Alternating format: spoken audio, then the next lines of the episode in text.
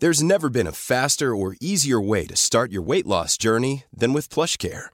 PlushCare accepts most insurance plans and gives you online access to board-certified physicians who can prescribe FDA-approved weight loss medications like Wigovi and Zepbound for those who qualify. Take charge of your health and speak with a board-certified physician about a weight loss plan that's right for you. Get started today at plushcare.com slash weight loss. That's plushcare.com slash weight loss. plushcare.com slash weight loss. Hiring for your small business? If you're not looking for professionals on LinkedIn, you're looking in the wrong place. That's like looking for your car keys in a fish tank. LinkedIn helps you hire professionals you can't find anywhere else, even those who aren't actively searching for a new job but might be open to the perfect role. In a given month, over 70% of LinkedIn users don't even visit other leading job sites. So start looking in the right place. With LinkedIn, you can hire professionals like a professional. Post your free job on linkedin.com slash people today.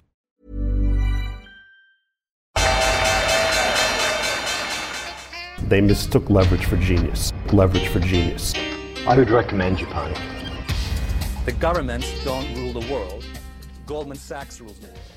Velkommen til episode 248 av podkasten 'Tid er penger', en podkast med Peter Warren. Jeg heter Sverre og er produsent, og eh, jeg vil bare si at dagens episode er tatt opp på søndagen, så vi har ikke mandagens åpning. Eh, episoden handler om, eh, som vanlig, snakk om markedet fra diverse perspektiver, men vi skal også se litt på eiendomsmarkedet, også litt på hedgefondresultater. Eh, hvordan man kan se på fallskjermhopping eh, opp mot markedet. Eh, geopolitikk, også litt eh, rundt Kina. Interessant betraktning, Peter Ada. Dagens episode er presentert av Fixrate. Fixrate er en tjeneste som lar bedrifter sette sine innskudd inn til best mulig rente. Enkelt og greit, veldig bra til å stole på. Høyeste rente akkurat nå 5,02% Det matcher du ikke med din bank. Sjekk på fixrate.no for å se hva du kan eh, tjene på det. Eh, Denne episoden er presentert av Dealflow. Dealflow er en børs for selskaper i tidlig fase. Kobler investorer med selskaper. Det har de gjort 118 ganger. Akkurat nå er de i sluttfasen av Horde Pluss, som allerede har hatt en tidligere vellykka emisjon med Horde. Eh, Og de er over eh, det investeringsmålet sitt. I tillegg er OFS Norge på slutten av sin runde. Totalt er det seks selskaper som henter inn. Du kan se mer på dealflow.no. Denne episoden er også presentert av Otovo. Otovo er et solcelleselskap som gjør hele jobben for deg, og har holdt på i Norge i mange år. Eh, hvis du har fulgt bransjen for eh, solcellepanel på taket, så ser du at prisene har falt veldig det siste. Det har jo falt i 20 år, det har falt veldig det siste året. Så eh, det er så fordelaktig som det kanskje aldri har vært, sånn sett. Og eh, strømprisene er jo fortsatt veldig høye. Du kan gå inn på otovo.no for å punche inn din egen adresse og se hvordan du gjennomfører jobben der. otovo.no. Så når man skal lage podkaster, så sånn som vi gjør nå, så bruker man ofte å lage en liten episode i preppen, der man sitter og diskuterer ting i øst og vest, og som ikke har noe med det man har planlagt å gjøre. Og i dag gjorde vi det igjen, da. Så rett før eh, vi skrudde på record, så hadde jeg eh, sett nok en omtale av eh, Ole Andreas Halvorsen, Norges desidert mest vellykka finansmann, eh, som eh, leder hedgefondet Viking Global. Og de har eh, generert 40 milliarder dollar til investorer i avkastning. Og han er jo en, eh, en tøff type. Gir aldri intervjuer. Man vet veldig, egentlig veldig lite om han, annet enn at han kommer fra Tiger-systemet. Jeg vet jo at du kjenner han, Peter. Men, og, og, og ikke snakk om han direkte, men når vi sitter og ser på liksom, folkene som jobber for en sånn person, da, da lurer jeg litt på hva vil det egentlig si? Hva vil det si å jobbe i et sånn type prestasjonsmiljø som et topp seks hedgefond i verden? Altså, du er jo inne på det når du, um, når du bruker uttrykket prestasjonsmiljø. Fordi det kan jo, det kan jo sam, sammenlignes med to, toppidrett. Og det er på, også på en måte den seleksjonen for at du, skal, uh, at du skal få jobb der i utgangspunktet. Så må det, må det være noe altså, unikt eh, med deg. Uh, uansett egentlig hvilken rolle du skal ha, så må det være et eller annet som, som du stikker deg ut med i, i forhold til uh, den. Så er det selvfølgelig lojalitet, og så er det arbeidskapasitet. Um, og så er det altså man, man, man, tolererer ikke liksom sløvinger, for å si det på den måten. Altså hvis du ikke er ordentlig fokusert på det du, eh, det, det du gjør, og har og du bør også ha betydelig arbeidskapasitet, i, i, selvfølgelig. Så, så, er ikke det for deg. Så enkelt, så enkelt, er det. Så jeg vil jo si at dette her er en, en kultur som mye ligner på, på, på toppidrett, som jeg, var, som jeg, var, inne på. Og hvis du tenker deg bare liksom tar Eh, skrittet videre, da. ikke sant? Altså, hvis du ser for deg toppidrett, det er veldig mange idrettsutøvere. Det er veldig mange som driver med sport og idrett, og så er det mange som også konkurrerer. Men de som er på toppen, de gjør noe uh, De gjør noe unikt, etter, etter min oppfatning. Og, og, det er der du må være. Du må være den unike, du må være detaljfokusert. Du må ha et sånn brennende ønske øh, om, øh, om, om, å bli bedre. Um, vi, jeg tenkte vi kunne komme inn på, men det, det kan vi gjøre litt, litt etterpå, fordi eh, jeg leste et portrett av Halvor Egne Granerud her i, på, på, fredag i DN. Og, og, det sa veldig mye. Det sa veldig mye om, om mindset som, som, skal til, også i hoppsporten. Hvor, eh, og, og, nå generaliserer jeg i forhold til dette her, hvor du vil alltid eh, møte eh, motgang. Det, noe er eh, Noe kan tilskrives deg, noe kan tilskrives tilfeldigheter.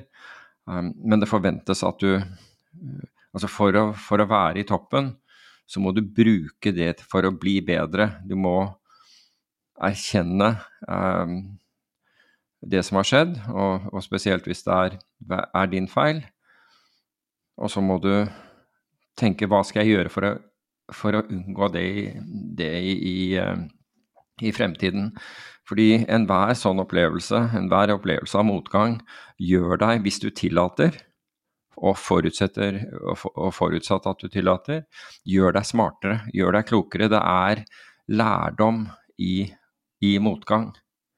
Kan jeg komme med et innspill der på, som jeg nylig har hørt, som er forskjellen på en vanlig syklist og de aller beste syklistene? Ja, kom igjen.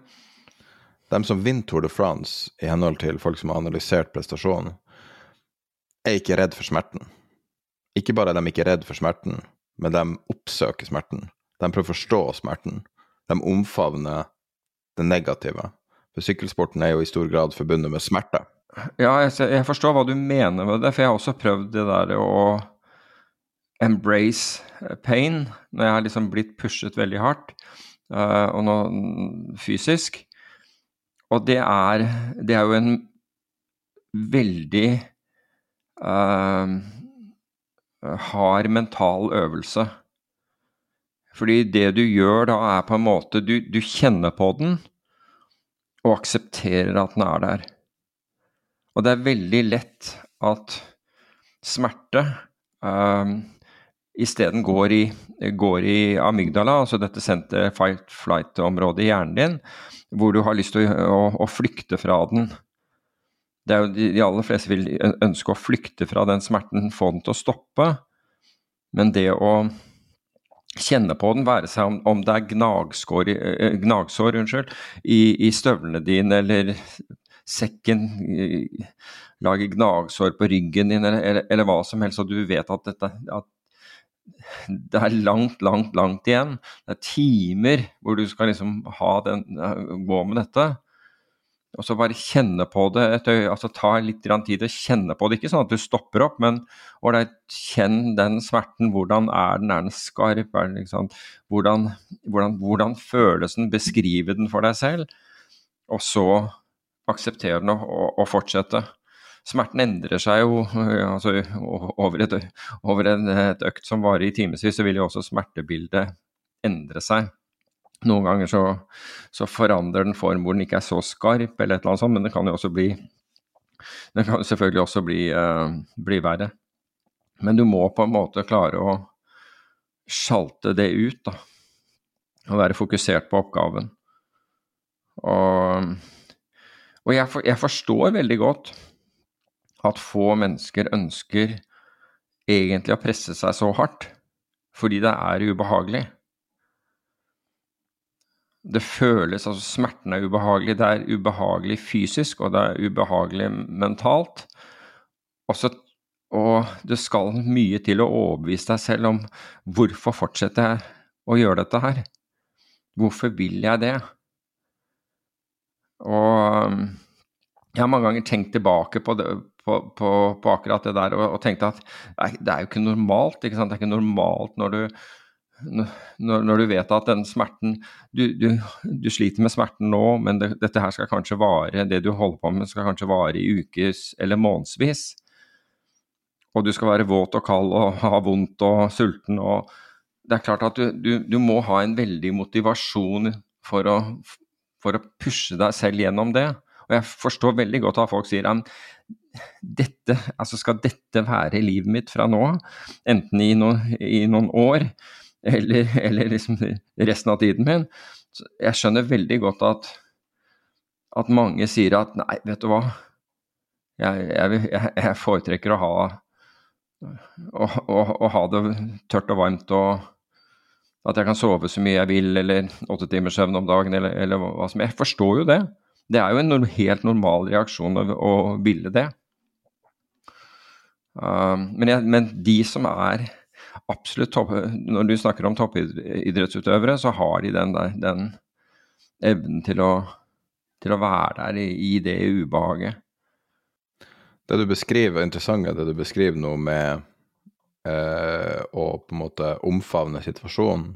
Det har jo vært forska en del på hvem som overlever katastrofesituasjoner som ikke nesten er mulig å overleve.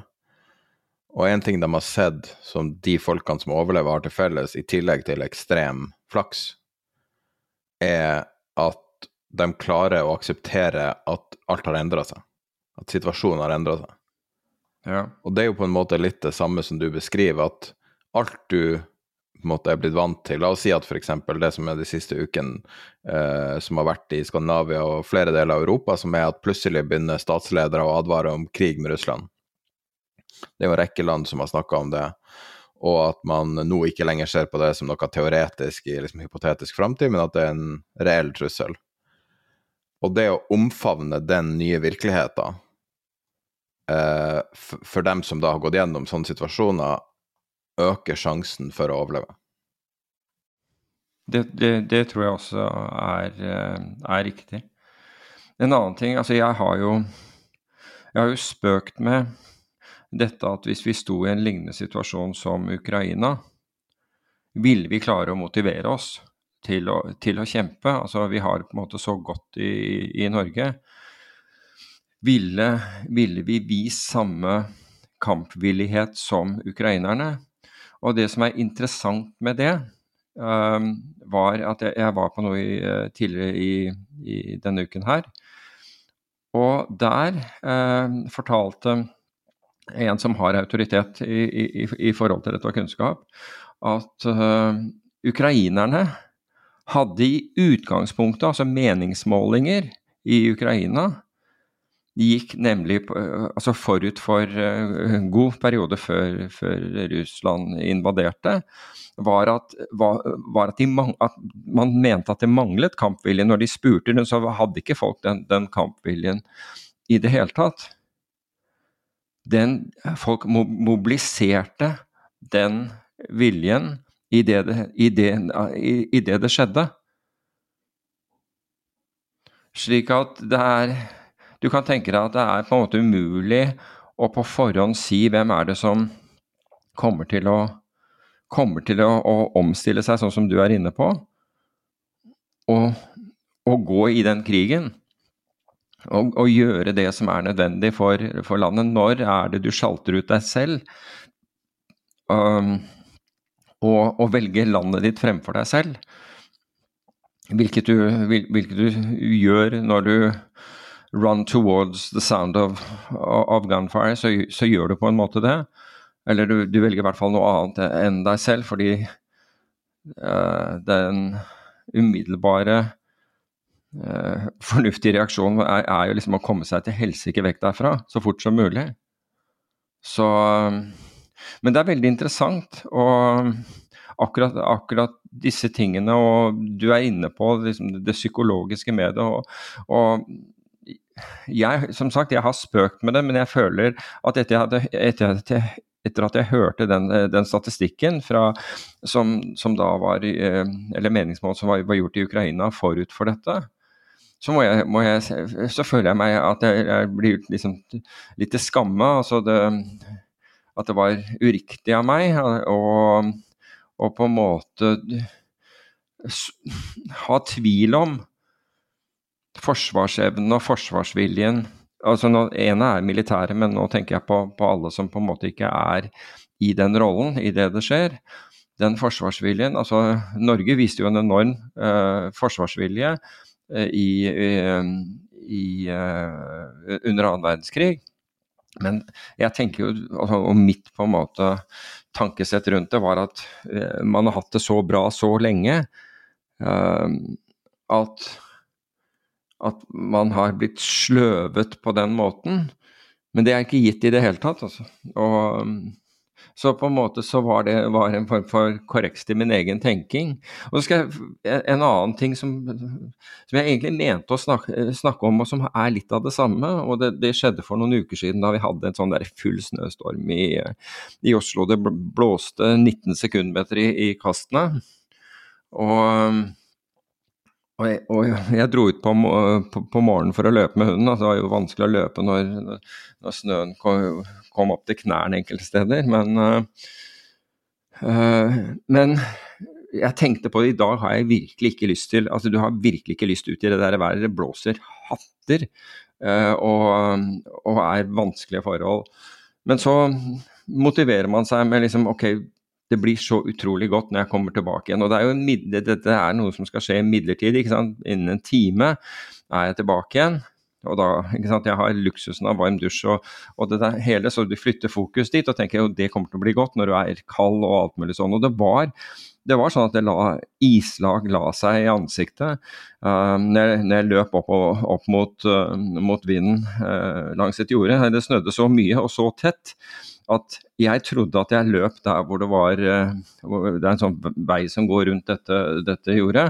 Så jeg trodde jeg var på den der veien. Men når, når jeg plutselig kunne se noe ut av den bygen, eh, så befant jeg meg midt på jordet. Jeg hadde ikke lagt merke til det engang, fordi at jeg mistet fullstendig retningen fordi pga. Uh, sneen. Men det som var mer interessant, da, var at på denne løpeturen så møter jeg andre som er ute og løper, og de ser akkurat ut som meg. De er fullstendig dekket i, i, i snø. De har bøffer trukket oppover uh, over munn og nese slik at det går an å, å puste. Og liksom istappene henger av dem. liksom sånn. Og da tenkte jeg at det er Si hva du vil, men her er det resilience altså, hos folk. Og Det samme så jeg da jeg var ute på veien. Da, da var det noen som kom syklende, og én kom syklende med en sånn der Jeg er helt sikker på at det var en DBS-sykkel. Altså det, det, I hvert fall ikke en sykkel som burde, du burde syklet på, på, under sånne forhold uansett. Ikke noe sånn piggdekk eller noe sånt, men, men også andre. Og jeg så folk dra til jobb, de som For meg så så det ut som de som syklet til jobb fortsatte å sykle til jobb. De som løp til jobb, fortsatte å, å gjøre det. De som gikk til jobb, fortsatte å gjøre det. Og, og, og de som vanligvis tok bussen, de ble, ble dessverre de, de, måtte gå hjem fordi bussene stoppet. Men, men poenget mitt var at jeg, jeg, fikk den, jeg, fikk respekt for den resiliensen som, som jeg så hos folk uh, den dagen, og tenkte hm, det er, det er, det er resilience her, altså ute og går. Så jeg vet ikke hva resilience heter på norsk, men motstandsdyktighet, er det ikke det? Jo. Motstandsdyktighet. Altså de står imot, altså bestemmer seg for skal jeg sykle til jobb, eller skal jeg ikke sant? Så, så gjør jeg det om det hagler snøballer. Det spiller ingen rolle, jeg, gjør det likevel, liksom den, den type ting. Så, så det er jo litt av toppidrettsutøver-mindset som, som vi, er inne, vi, er inne, på. For å dra dette til, uh, tilbake til uh, finans, så tror jeg at du må du må virkelig ønske å ha den jobben, ikke én jobb innenfor finans. Altså hvis du skal jobbe i et, i et, i et bestemt hedgefond eller det, det, samme vil gjelde liksom de store investeringsbankene. Kravet til å få, få, lov å bli er veldig store. Et eksempel jeg kan nevne er jo hos Millennium, hvor de dårligste blir sjalta ut. Altså de, de, dårligste forvalterne hvert eneste år, altså nedre, jeg vet ikke om det er nedre 10% eller et eller annet sånt, de, blir, de må gå. Og så plukker de inn nye, så konkurransen er veldig høy, så du må virkelig ønske å, å, være der, da. Ha det, å, ha, å være villig til å forsake andre ting for å, for å være akkurat for å være akkurat der. Det tror jeg er liksom Fordi det er, det er toppidrett. Jeg kan jo kanskje ta dette med det jeg skulle si med Halvor Egne Granerud, da, som fra dette DN-intervjuet, så var det interessant at det var Han, han forteller jo bl.a. at uh, de første, uh, første sekundene ut fra hoppet der husker han ingenting. Jeg husker ikke om, om det er de første 50 meterne eller 20 meterne eller, eller 25 meterne, men der, der, er, der, er, det svart. Altså med andre ord at Som han sier at tiden, altså et lite stykke tid, er, er visket ut. Og det opplevde jeg veldig i, eh, i forbindelse med, med fallskjermhopping også, og det var akkurat idet du eh, slapp tak i flyet, så vil det gå et, et stykke tid før, før du liksom var, var bevisst. Jeg, jeg, tror, altså For min del så, så var nok det derre overload av bl.a. frykt og, og, andre ting. Da, altså Rett og slett sanseinntrykkene dine. Det blåser og det støyen fra fly og, og, mange andre ting. Og plutselig det at du skal slippe deg ut i, i intet og, og, at det er noen kilometer ned til, til, uh, til bakken.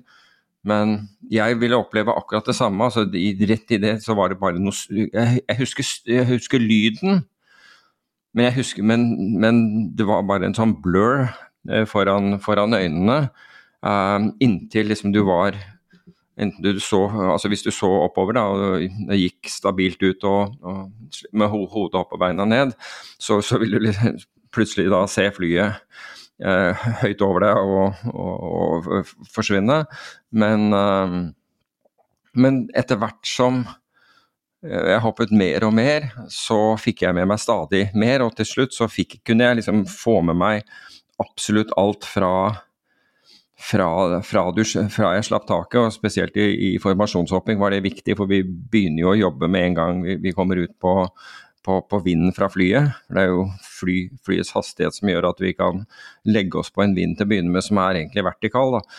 og som går da over til å bli horisontal etter hvert som du, du, du sakker ned frem, fremkastet, som det heter. altså Fordi du har samme hastighet som flyet idet du går ut, så da vil det være et fremkast.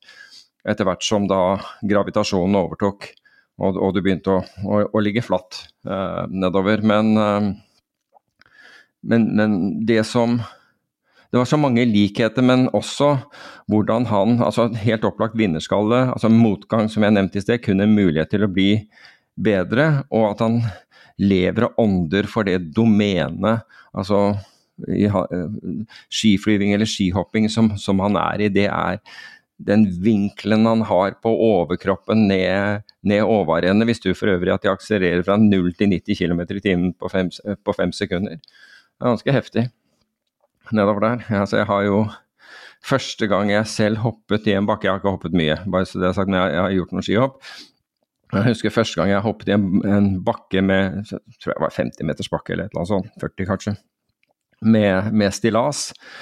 Og jeg var jo ikke på det tidspunktet klar over at jeg, var, at jeg, hadde, at jeg led av, av høydeskrekk. Men jeg, jeg husker at det, dette var oppe på Soløgda i Bærum og satt utfor, ut der. Uh, faren min hadde, de hadde tatt bussen opp der og, for at jeg skulle gjøre dette. Og, um, og jeg, jeg, gjorde ett hopp, da, jeg falt, og så gikk jeg opp igjen. Jeg var livredd. Og da jeg kom opp igjen og skulle, skulle sette ut for andre gangen, jeg var minst like redd da, da, blitt, da, da oppdaget jeg at det var fire spor og ikke to spor. Altså, altså to spor som i én for hver, hver ski. Men da var det fire spor som, som gikk ned uh, overende til hoppkanten. Og de, de, de, ytterste sporene, det var fra polvottene mine mens jeg prøvde å bremse farta. Så jeg var, Og jeg falt på det, jeg falt på det hoppet også, men, uh, men jeg, jeg, klarte ikke å, å overvinne den, der, den, den, den frykten. Ref alt du har snakka om nå, så tror jeg det er tilbake til sykkel, det mest kjente sitatet fra uh, mye vinnende syklist Greg LeMond kanskje oppsummerer mye av det. It never gets easier, you just go faster. Ja, altså jeg husker jo i militæret at, at, at, det som kalles directing staff, altså de som hadde med opptaket å gjøre, ville fortelle deg, liksom, når de så du slet, uh, ville fortelle deg at, liksom, du, at det blir bare verre. Avstandene blir lengre, og oppakningen blir tyngre. Så hvis du, hvis du har problemer nå, så, så er, med andre ord så er det like greit at du, du gir deg, fordi det blir ikke bedre, det blir verre. Og det er kanskje det de føler med, med, med sykling også, men de må jo, altså i og med at de skal spurte liksom helt på slutten, så må de jo på en måte uh, porsjonere ressursene sine noe, da. Men hvis, hvis, du sykler i et felt og et lag, så, jo, så har du jo hjelp fra, fra, andre akkurat i den sporten. Da. I, uh, i skihopping så har du selvfølgelig hjelp fra, fra, en trener, men i det øyeblikket du slipper bommen, så er det deg. altså. Da er det ikke noe annet, da er det kun deg til du, eh, til, til du lander der nede, forhåpentlig eh, på bena. Så det var den, det spontane temaet som var knytta til uh, Viking Global, og hva det vil si å jobbe i uh, topp seks hedgefond i verden? Omtrent som du har beskrevet nå, eller? Ja, altså jeg tror det er, det er ikke bare topp seks, altså det, det, topp 100 er jeg helt sikker på.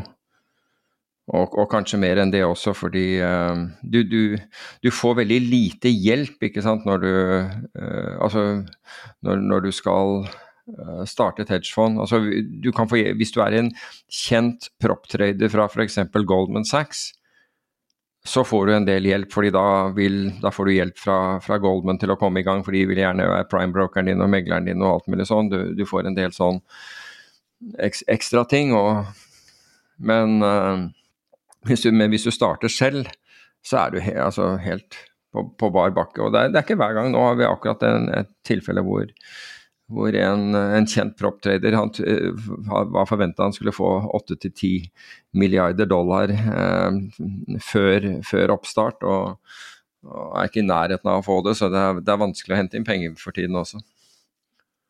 Skal vi snakke litt om uka som var? Ja, det kan vi godt før vi starter å gå gjennom uh, kurs og tall, kan jeg ta et par punkter som har skjedd siste uka? Mm. Som du kanskje, kanskje ikke har fått med deg. Følger du med på Texas? Følger jeg med på? Texas. Uh, ikke annet enn en eh, dette med, med, med razor-wiren mellom Altså den disputten, den politiske krangelen som er med. Er det den du tenker på, eller noe annet? Ja, det er den jeg tenker på. Det er det de kaller Noen kaller det Texit. Fordi at eh, det har jo vært en historisk lang, langt ønske om å, det de kaller secede, altså gå ut av unionen, at Texas skal bli et eget land. Det har jo vært en sånn gammel historie som man har snakka om i mange tiår, og kanskje mange hundre år. Uh, og guvernøren i um, Texas, uh, Greg Abbott, uh, nekta jo å, å, på en måte følge en innstilling fra Høyesterett om at de skulle fjerne den. Og mange tolker jo det som en mulig eh, steg nettopp mot det som heter secession, og det er jo noe som, så vidt jeg vet, har dødsstraff i USA. Eh, det å prøve å bryte opp nasjonen. Men da er det Texit. Tror du det er en, eh, en eh, realistisk situasjon? Nei, nei, jeg tror ikke det, men, uh, men jeg er ikke den beste til, til å vurdere det. Altså jeg, jeg, ser jo at debatten drar seg til, men jeg, jeg, har, vondt å, har vondt for å se den. Den vil overraske. Det vil være en Det vil være en black swan for meg hvis det skjer, det, det må jeg si. Eh, ellers så eh, kan man oppsummere den eh, Norges Bank-avgjørelsen som var denne uka, med uendra, men higher for longer, er jo en måte å si det på. Ja. E egentlig akkurat det vi har sagt uh, også. Så jeg, jeg, egentlig ikke forundret når, når, det gjelder det. Kronen har jo svekket seg i år også, så det er ikke noe grunn til å, å begynne å snakke om jeg, jeg, forstår at Og jeg tror det, det er på basis av, av uh, uh, latent mulighet for uh, inflasjon, altså økt inflasjon, inflasjonspress, dersom kronen fortsetter å svekke seg. Men nå har den jo stabilisert seg akkurat rundt sånn mot dollar. Ja. Nå har jo dollaren også steget internasjonalt, så det, det er, er, ikke nødvendigvis den perfekte proxy for, for kronen, men, eh, men, i hvert fall dollar sånn 1040-1050. Det har vært litt nyheter om amerikansk makro som peker litt i forskjellig retning. De hadde en gjeldsuksjon, som gikk dårlig. Eh, vi sender resultatene og det ut på nyhetsbrevet. Samtidig så har du vanvittig mye vekst, mye sterkere vekst i USA enn man forventa. Og boligsalget i USA har virkelig begynt å skyte fart. Mm. Det her er vel ikke det som peker på et rentekutt i mars, som ville ha vært det historiske snittet. Altså åtte måneder etter renteoppsettelsen kommer første kuttet historisk. Nei, det, altså jeg tror jo at Men nå har, har man jo moderert seg litt, grann, men forventningene var, var altfor høye til, eh, til rentenedgang. Ikke nødvendigvis for mars, men for, for året som, som helhet. Og jeg må jo si at jeg sliter med uh, Donald Trump som vi må få orden på økonomien, ikke sant? Hvor, uh, hvor, er, hvor, arbeidsmarkedet er solid, veksten er, er solid. All time high på SMP. All time high, ikke sant? hvor han sa den kom til å krasje. Den lovte han ville krasje hvis bare Han blir jo ikke stilt, blir jo ikke stilt til rette for noen av, av utsagnene sine. Det er helt fantastisk. Um, og så er det dette her altså, Mens vi er inne på, på, på Trump, da, altså, så, så, så, sies det at, at uh, altså de at utdannede, som vi snakket om, om, forrige gang, at de med høyere utdannelse stemmer på Biden, bortsett fra nå fordi de er så misnøye med håndteringen av konflikten i Gaza. Uh, så, unnskyld, så frykter man at de vil avstå fra å stemme overhodet. I New Hampshire-avstemninga så var det ikke tilfellet. Da stemte de med universitetsutdannelse på Nikki Haley, dem uten universitetsutdannelse på Donald Trump. Ja men, jeg, jeg kan, ja, men du kan si at jeg kan forstå at altså, de vil ikke stemme på Trump, men de, de, på Nikki Haley kan de, nok, eh, uh, kan de nok stemme på det. Men deres stemme altså Det sies i hvert fall at de, deres stemme vil ikke gå til Trump, og de vil da avstå fra å stemme. Enda verre er det jo selvfølgelig om de, de Eller det er jo ikke det, egentlig. Det er ikke enda verre hvis de stemmer på Nikki Haley, det er, ille for, for, Det demokratiske partiet og, og for Bidens uh, sjanser. Eh, sånn sett er, er, det jo det, men, uh, men uh, Men du kan si at hvis det er Hvis Trump, altså de som stemmer på Trump, er folk med, med, med lav utdannelse og Altså, hvor mange altså, Er den der gruppen av sånn der redneck hillbillies så enorm der borte, da? Altså virkelig?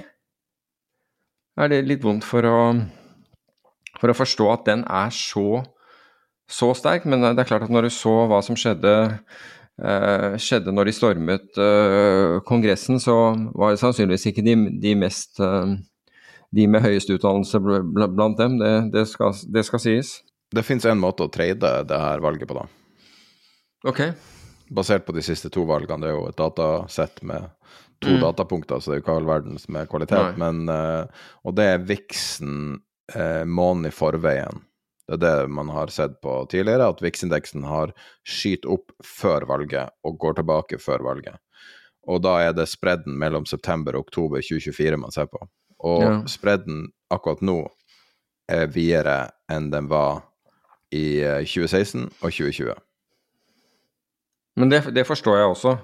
Uh, jeg forstår at den er videre nå uh, enn den var, fordi nå har, nå har, du hatt fire år med Trump, så du vet liksom litt hva, hva, du, hva, du, får der.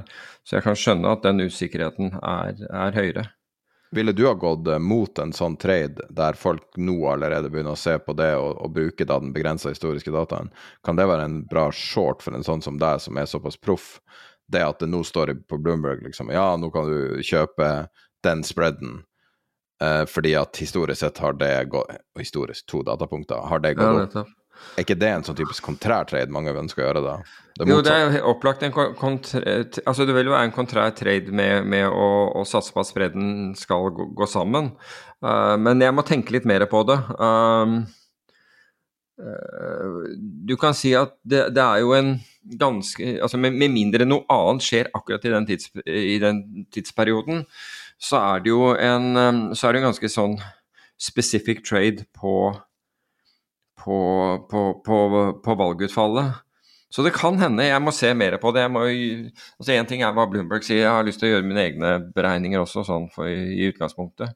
Og så er det det derre at hensyn tar man at man kommer fra et såpass lavt nivå på, på, på viksen, eller ligger det liksom et, eh, et gamma-fareelement i det? At vi, vi fortsatt ikke har Altså at vi har en ganske lav viks. Må se på, må, må se på den biten også. Historisk sett, når du har trada, eh, hvor mye tenker du på ting som fear and greed-indekser?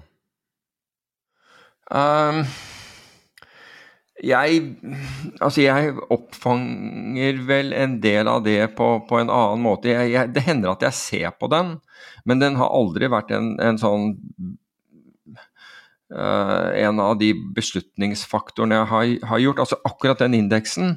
Men fair and greed i generelt, altså du har jo kredittsvis, som de tidligere het, eh, som, ha, som hadde en brukbar indeks på dette. og Jeg fulgte med disse, disse indeksene for, for å se etter ekstremsentiment. Og var de ekstreme, så kunne det hende at jeg gikk imot det. For jeg er jo kontrær av, av, eh, av personlighet. Så Uh, fear and greed-indeksen, det er én som Jeg tror det er CNN Money som har den. Ja, det, det er vel den AAII, er det ikke det? Den til Ja, Ja, nettopp. Uh, men, men den, er, den her er strukturert som, ei, uh, som et speedometer, på en måte. Og uh, den er nå inne i extreme greed, har ligget mellom greed og extreme greed eh, de siste ja, månedene, egentlig. Og, eh, men det er fortsatt 37 av 100, så det, det er jo ikke på 100. Mens det som kanskje er mer interessant, er at bitcoin fear and greed er på 50, helt nøytral. Ok. Ikke så rart akkurat, eh, akkurat det, i og med at eh, jeg tror hadde du målt den i, rett i forkant av, eh, av avgjørelsen til SEC når det gjaldt bitcoin spot ETF, så hadde du kanskje sett et, et annet utslag.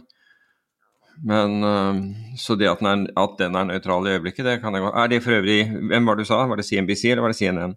Jeg tror det er CNN som uh, setter den her. De har en sånn eh, Det er et skjermbilde jeg har fått av den, men det er en troverdig kilde. Så. Ok. Jeg er faktisk ikke helt sikker på kilden. Men jeg bruker vanligvis å ta den fra Bank of America. De har en uh, fast en, så jeg kan gå og hente den og, og legge den med i nyhetsbrevet. Men når du sier at aksjer er på ekstrem, ekstrem greed, og så er vi opp, altså for, for det amerikanske markedsdel omtrent en prosent på året, litt over.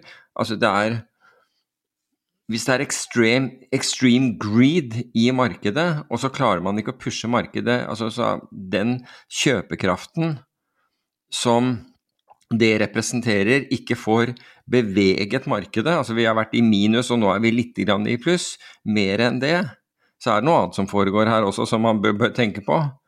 Og det kan være det at det er akkurat det jeg eh, snakket om forrige gang, hvor, eh, hvor det er rebalansering av, av porteføljer og den type ting. Uh, vet ikke, men uh, men når du har ekstremsituasjoner, så, så, så forventer du egentlig større, større markedsbevegelser, også intradag. De er små, får veldig, veldig få, uh, få signaler på, på kortsiktige tradingmodeller, altså intradag tradingmodeller, får veldig, veldig få signaler for tiden. Så Og du ville vanligvis se større, altså mer directional eh, marked. Ikke sant? Nå sier de ah, ny, ny rekord på SMP eh, 500 i dag, ny all time high, ny all time high osv. Ja, men med 0,1 og 0,15 også. Det er veldig små bevegelser. Men siste uke var det jo en del tall, da, og det er jo, nå begynner vi å se en divergens framover. Eh, Det er, spesielt, det er jo en trend i kvartalstallene denne runden. Har du fått med den? Nei, kjør. Trenden er at tallene er ikke så viktige, guidinga er veldig viktig. Så hva forventer de av framtida? Så Intel f.eks. guider ned eh, for eh, framover, eh, lavere enn venta, som basically sier at de tror at det blir tøffere tider.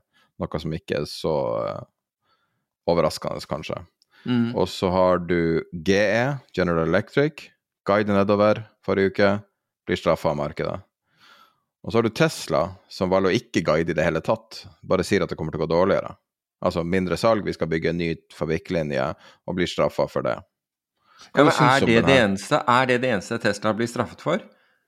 Jeg tror det var det som ble mest straffa for, for det er veldig uvanlig at et av verdens største selskaper ikke guider.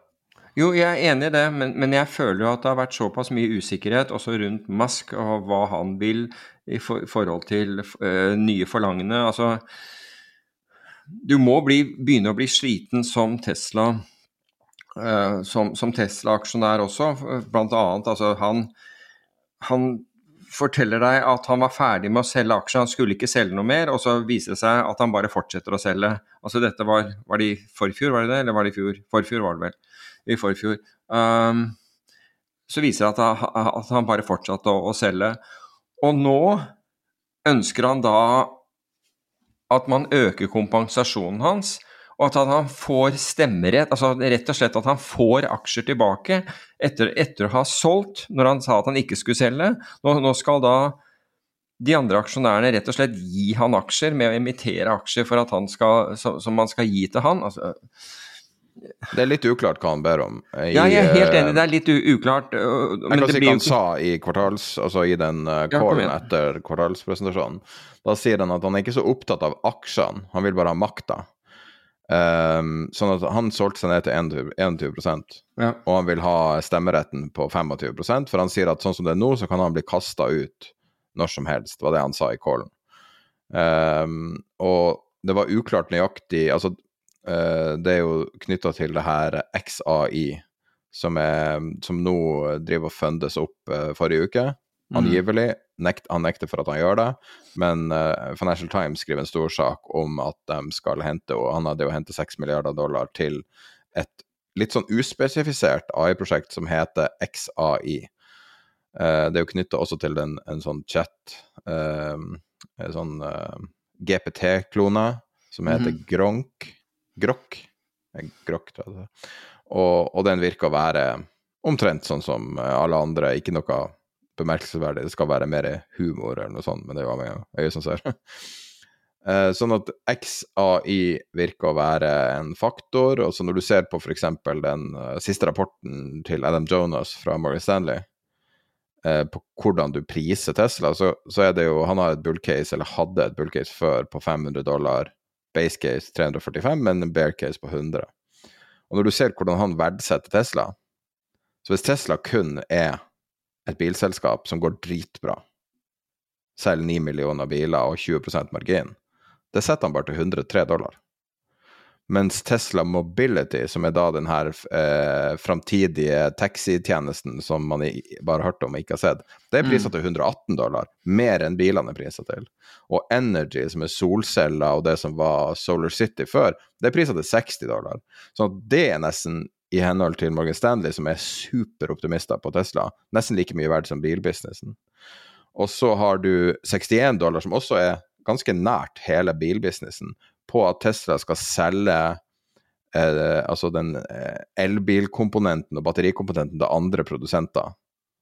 Og så har du forsikring, noe som er bare snakka om, ikke gjort 11 dollar, er det han priser det i en sånn framtidig fantastisk situasjon. Og så har du Networks uh, Services, som jeg er litt usikker på helt hva det er, er priser til 147 dollar, mer enn bilbusinessen. Så det interessante her er jo at prisinga av Tesla er i stor grad Altså majoriteten av verdien i en framtidig 500 dollar-verdi er basert på alle de her tingene som er ubevist. Det var interessant å, å se på det på den måten. Ja, det syns jeg var en øh, var ganske greit oppsummert også. Nemlig at det er, det er ubevist. Altså det er rett og slett troen på at han, at han får det til. Eh, han, Adam Jonas i 2000, nei, 2021 sa jo at um, What does EVs autonomy dojo Dojo er en superdatamaskin deres. Energy storage, solar, gigapress, humanoid robots, sets, tunnels and brain implants Altså det er da alle tingene Musk er innblanda i. All have in common. if we have to boil it down to one thing, it's Elon Musk's desire to colonize Mars. If the process, uh, many of these projects may change how we look at life on Earth. We think that more investors appreciate this. Uh, the more events over the next 12 to 24 months will make sense. Og det er da ca. 24 måneder siden han sa det. Hmm. Jeg kan bare si at den superdatamaskinen har de allerede begynt å avskrive, I, igjen i callen. Og sier at, de kanskje, at det kanskje blir en hedge der de bare har kjøpt masse grafikkort fra Nvidia.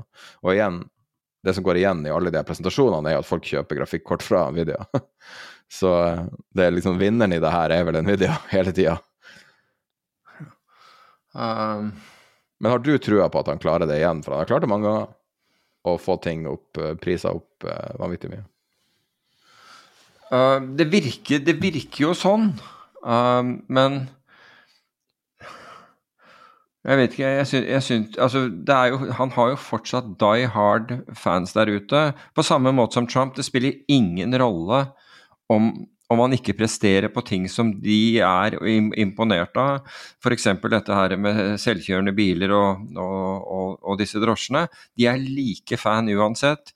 De har bestilt monstertrucken for fem år siden og, aner ikke når de får den, og de er like positive uansett. Det er bare Det er en religion.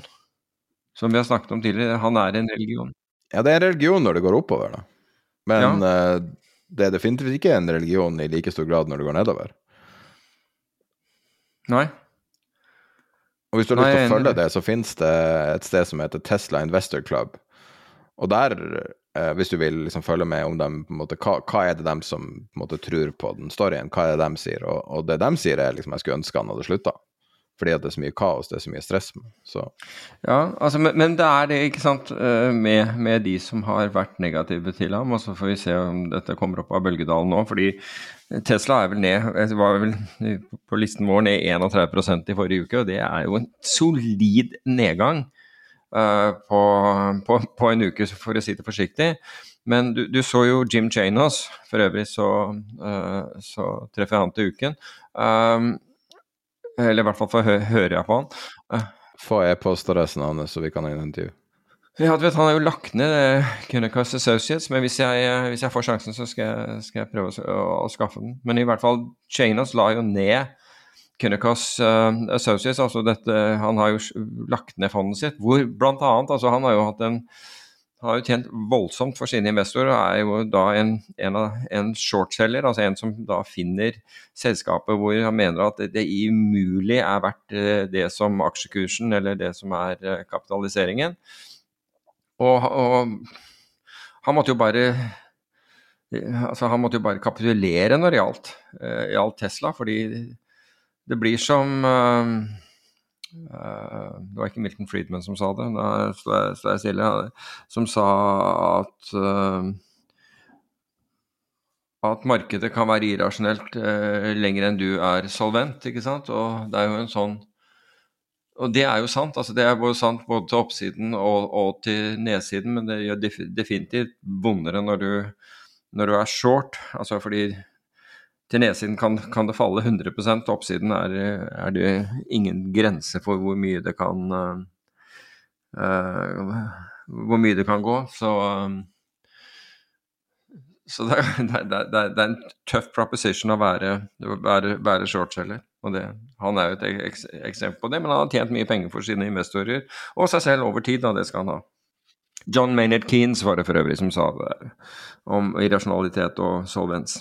Annet enn at du kan kjøpe alkohol i Saudi nå, så, så har det skjedd ting som er interessant. Uh, siste Ikke uke. hvem som helst og hvor som helst, bare så det er sagt. Nei. Men uh, i Kina så er det Altså, skepsisen i Kina brer seg, og du, du sa til meg at du likte Altså, du mente at det her var et, liksom et sånn uh, mulig At det hadde gått langt, det her. Men, men, jeg har ikke følelsen av at de fleste snakker om det. Uh, det er både skepsis for, for gjeld, det er skepsis for masse tiltak som kommer inn, eh, som eh, Jeg kan ta noen punkter her av det som, som er, blir eh, påpekt av, av eh, Jeg mener de få, men kanskje det er mange. Så eh, det største meglerhuset i Kina begrenser shortselling. Eh, Kina Det jo, har jo vært Mm. snakka om egentlig siden i høst at de venter en stimulipakke, men nå er det mye mer eh, Det er jo den vi snakka om siste uke, og det er 240 Mm. milliarder dollar i et såkalt eh, special bond. Og så har, du, har de kutta reserveratioen, og det er en sånn typisk måte de kan stimulere Noe kjent triks i Kina for å stimulere eh, business. Eh, de har fortalt fond at de ikke får lov å in shorte index futures. Og eh, det vi har sett, er jo at Hang Seng, altså indeksen i Hongkong, eh, faller til det laveste nivået på to tiår. Mm. Og da er liksom spørsmålet hva er det som skjer nå, og er det her er det her grunn til bekymring for oss, eller har det gått så langt nå at nå skal liksom, nå skal alle ristes av, og folk ligger short og blir tatt ut? Ja, det, det er jo litt det jeg lurte på. Det er vel, det er vel nesten en uke siden vi, snakket om det. Jeg kom med den der kommentaren til deg uh, uh, da, du og jeg snakket sammen, ikke på, ikke på, på lufta, men uh, privatsamtale. Um, og det interessante var da, og, det, og, det, og den informasjonen fikk jeg faktisk så sent som i dag, eller fant jeg så sent som i dag, og det er at um, det er rekordtegning i aksjefond i fremvoksende markeder, spesielt i Kina. Det har skjedd nå siste uke. Og FXI, det er en ETF i USA, eh, som, eh, som, er, en, eh, som er den kinesiske indeksen. Altså den, den, sitter på aksjene som er i den kinesiske indeksen, og den, den, handles da i USA, slik at du, har ikke den, du trenger ikke å ha motpartsrisiko mot noen i, i, i Kina den har da det høyeste call-opsjonsvolumet på ett år. Og det, alt det der har skjedd denne uken her.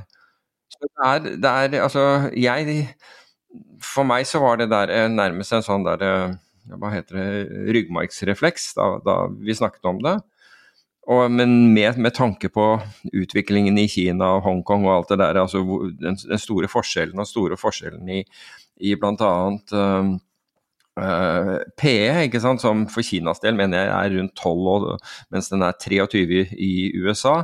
Burde faktisk komme tilbake til akkurat det der med 23 P-en i USA, for jeg har noen, noen, tanker rundt det. Men i hvert fall, det er, det er tydelig at noen har, uh, har vurdert det der uh, på samme måte som meg, og har da valgt å, å, å posisjonere seg bullish i i, i, Kina. Hvorvidt det er riktig eller ikke, det vet jeg ikke. Bare så Det er sagt, det vet jeg ikke. Men, men det, var, det, var, interessant at det skulle skje nøyaktig på, på, på samme tidspunkt. Da. Eller innenfor samme uke, syns jeg. Det, det, var litt av en litt av, ja, Det kan bare være tilfeldig, for all del. Hvordan vil du posisjonere deg? Det sånn type Bank of China eller det indeksnivået, eller hva, hva, er det du Nei, altså man, du kan si at hvis jeg ikke Hvis, hvis jeg vil unngå type mot, altså motpartsrisiko, så ville jeg handlet dette her over børs kanskje i, i, USA. Men jeg ville gjort det enkelt. Jeg ville gjort indeks. Altså jeg ville f.eks. ha brukt uh, opsjoner på, på, nettopp den FXI-ETF-en, hvis jeg skulle, skulle, gjort det. Jeg vil sikkert gjøre det gjennom opsjonskombinasjoner, for jeg har ikke sett på volatiliteten og sånne ting. Um, så jeg vet ikke om, jeg, om, de er, uh, om det er dyrt brist eller ikke.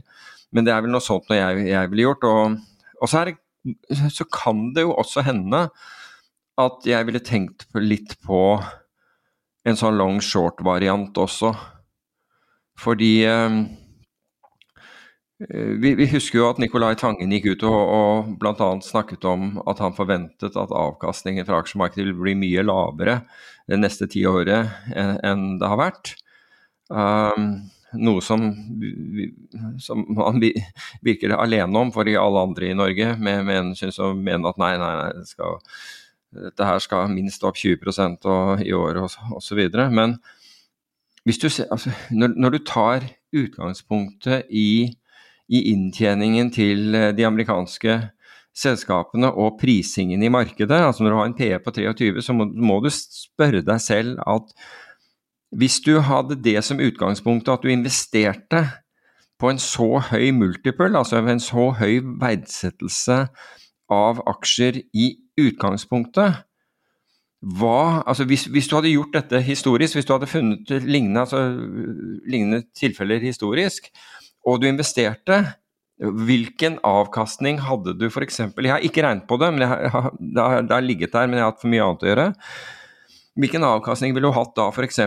Annualisert avkastning ville du hatt de neste fem årene, neste ti årene, f.eks. For Fordi det er relevant hvor mye du betaler i dag for, for den fremtidige avkastningen. Den er relevant. Hvis du betaler lite, så kan du ha en høy avkastning fremover. Betaler du veldig mye, så vil du per definisjon altså da, da, må markedet endre seg så radikalt for at du skal få en høy avkastning fremover.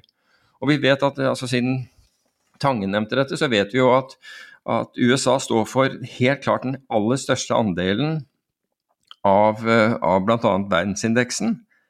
Så, det er, så det, er ikke, det er ikke rart at Altså, jeg vet ikke hva som var grunnlaget for at Tangen det, sa, det han sa, men for meg så, er, så, så, så, betyr dette noe i forhold til hva, hva jeg ville forvente, for å si det på den måten. Jeg elsker det. Du er kontrær. Kinabull. Ja, jeg, altså jeg har ikke bestemt meg om jeg er kinabull ennå, men, men jeg, er sannsynligvis ikke kinabear. For i, i øyeblikket, det, det Ja. Jeg bare se hvor For den er jo ned voldsomt mye fra toppen, skal vi se. Ja, det vil jeg tro. Og det er jo det som gjør, gjør at den er eh, i utgangspunktet attraktiv, og at selskapene er, er priset så mye lavere. altså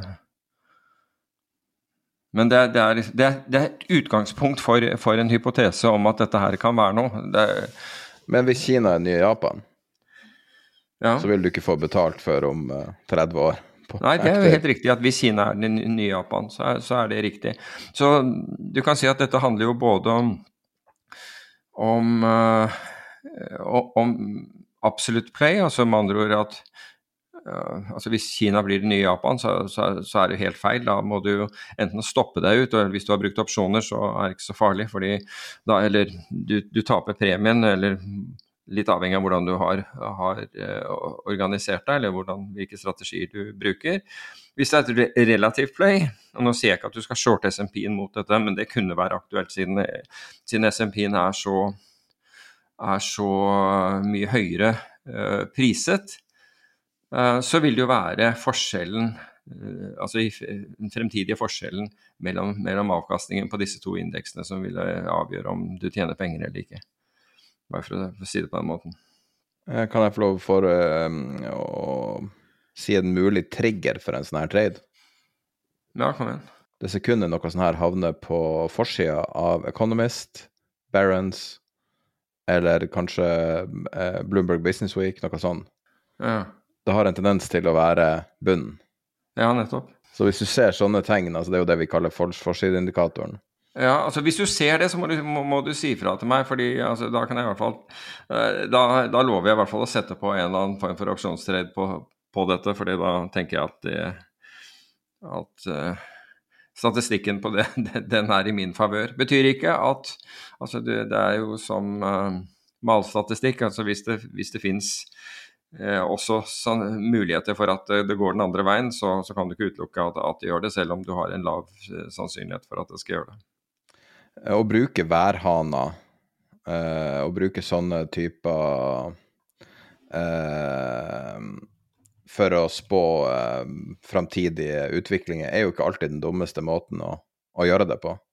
Der de ofte si, viser litt fram Viser litt fram på en måte hva, hvor langt en diskusjon har kommet, eller hva man skal si.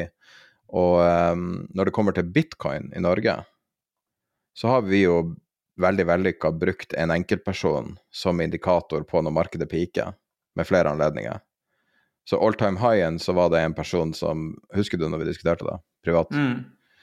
Og eh, forrige high-en etter det var han også ute og rasla og, og, lagde masse støy. Og han har ikke gjort det denne gangen. Og det er mitt argument for at, uh, at bitcoin har ikke toppa seg. Nei, det, det er jeg, har hatt sånne indikatorer selv, og de har vært ganske brukbare, det må jeg si. Så jeg har ikke studert den, den eller jeg, jeg, vi har jo snakket om den, men jeg har liksom ikke tenkt på den sånn. Men uh, det kan være. Ja, det er, altså, men det er i deres natur. altså Ikke deres natur å ta feil, men det er, det er bare rett og slett deres natur når, de, når, når emosjonene uh, overtar for, uh, for, for, for, intellektet, rett og slett. Og og du kan si at hvis du oppdager at du har en sånn tendens, så er det jo egentlig bare å, å gjøre det motsatte av det du av, av, tendensen din. fordi har du en sikker indikator, så må du bare bruke den, for å si det på den måten. Um, men altså hvis du så gjennom vi, vi snakket litt om forrige uke. Altså som, det var faktisk Galaxy som ledet an i forrige uke. Så bitcoin uh, Mike Novogratz uh, vil jeg også se, til uken for øvrig, men uh, som, som, ledet an med, med 14 oppgang i, i, forrige uke. Det står jo i ganske grov kontrast til bitcoin som jeg tror, tror steg 0,2 for øvrig er det jo interessant å se hvor, hvordan eh, volatiliteten på, på, på bitcoin har, har, falt, men det er klart at det er flere som er med der, det, det større Eller det lavere volatilitet vil du sannsynligvis få ut av det. I hvert fall nå som, som du har eh, arbitrasjetype instrumenter som kan holde dette litt i, i, eh, i, i sjakk. Ellers så Blant de tingene som var oppe i forrige uke, så var eh, amerikansk naturgass opp 7,7 um, for øvrig eh, så du kanskje at var det Biden trakk eller, eller stanset eh, videre eh, Ikke utbygginger, men tillatelser til, til, å bygge LNG-havner for eksport av, av amerikansk gass. Um, og årsaken til det er det er litt smartere enn her i Norge, det er faren for at hvis de begynte å eh, eksportere det, så vil, så vil til et marked som er nesten utømmelig, holdt jeg på å si. Uh, Europa trenger jo, trenger jo fortsatt gass. Så vil prisene gå opp i USA. Så man har klart å gjøre med et land så stort som USA og si at nei, det der skal ikke skje. Men i Norge med fem millioner mennesker, der fikk det lov å gå berserk det er, det er, litt artig, ikke med, ikke med gass, men med, med, med kraften. Ellers um, Oil Services, ETF-en, var opp 6,3% Det hadde jo selvfølgelig med at brentprisen, altså oljeprisen, steg 6,2% som følge av konflikten i Rødehavet eh, primært. Og den har jo ikke blitt eh, mindre ved at en Trafigura-tanker, altså en tanker som da eh, enten er eid eller eller som Trafigura hadde hyret, ble truffet for øvrig med russisk olje. Den hadde gjort en den, Denne tankeren hadde fått om bord olje fra et annet skip utenfor, uh, utenfor, kysten av Hellas. Snakk om å bli tatt med buksa nede. Altså. Ja, ikke sant? Og Så dette er den der ulovlige uh, Trafigurer holdt på sånn. Det er skuffende, altså. Ja, altså jeg hadde mer trodd, trodd på Gunvor, men alle, både Trafigura, Vitol, Glencore Alle disse her har gjort mye, mye forretninger med Russland gjennom årene. Um, men uh, men det er jo særlig Gunvor uh, med han Tørnquist som har, hatt, han har vært veldig nær til, uh, til Jeg tror han er nær til, til Putin også. Eh, men, men, i hvert fall, eh, den ble truffet da, og, og en brann utviklet seg. Amerikanerne tok vel ut en eh, avfyringsrampe før de klarte å sende en ny missil i, i samme retning. Men, men, det har jo ikke blitt enklere i Rødehavet, det er helt, helt, klart. Og det ser du også for øvrig på Drury-indeksen for containertransport, som var opp ytterligere 5% og som da er opp 140% hittil i år. Og Du så for øvrig at det der norske selskapet MPC eh, Container de opp, eh, opp, eh, er opp 17 så, så der skjer det.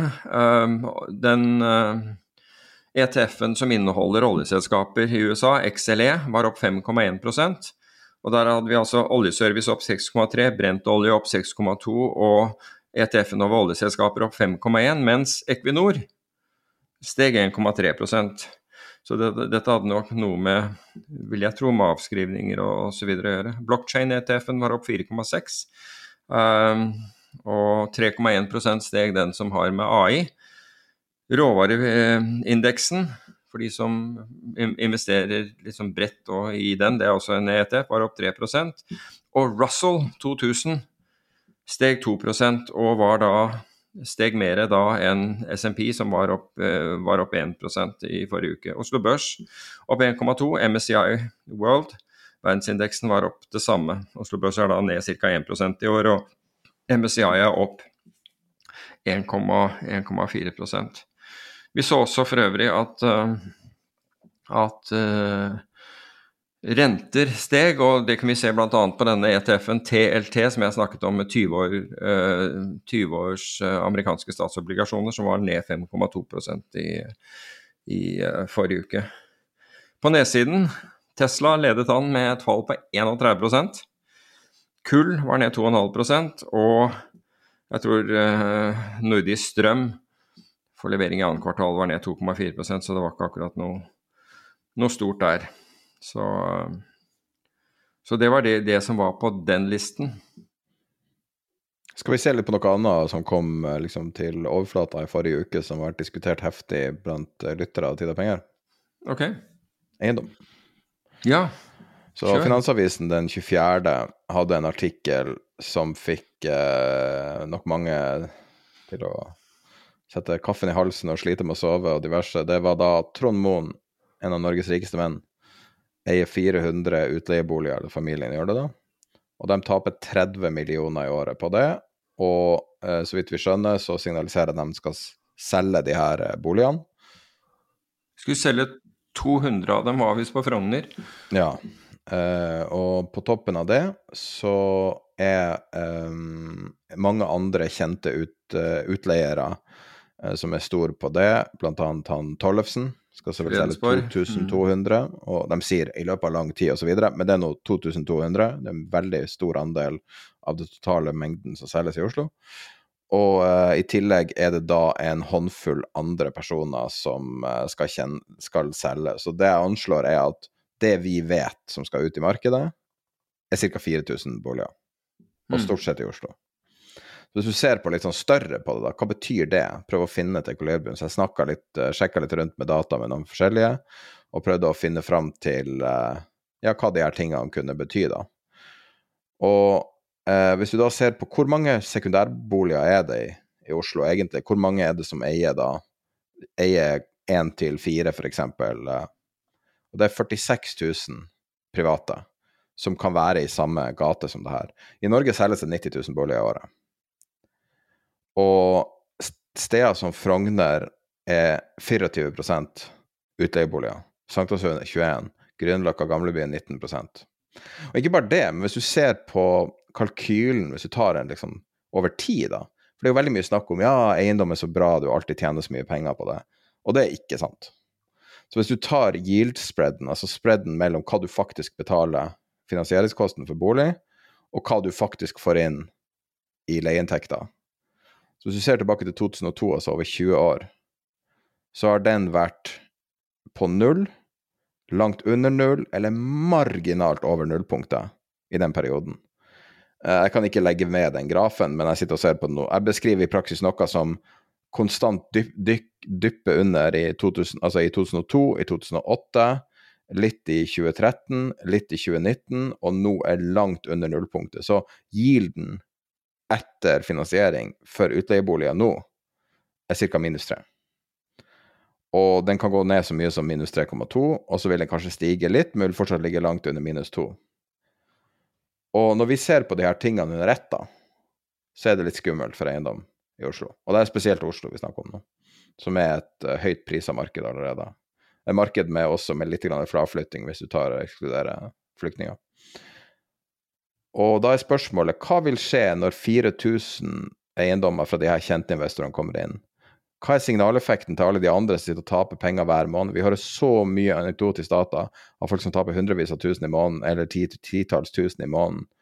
Og hvor mange av de her 29-åringene som har slått seg opp på Twitter under Fintwit og snakker om at det er så fantastisk med eiendom, og de bare girer seg opp og girer seg opp og girer seg opp, hvor mange av dem må selge? Og nå er det ikke spørsmål om folk som ønsker å selge, nå kommer det at folk må selge. Og hva vil skje med markedet da? Og det kommer til å komme veldig mye boliger inn. Og det interessante også et aspekt med det her, er jo at boligene er av ymse kvalitet. For sånn utleieboliger er jo notorisk av lavere kvalitet enn en typisk bolig du har bygd for å bo i.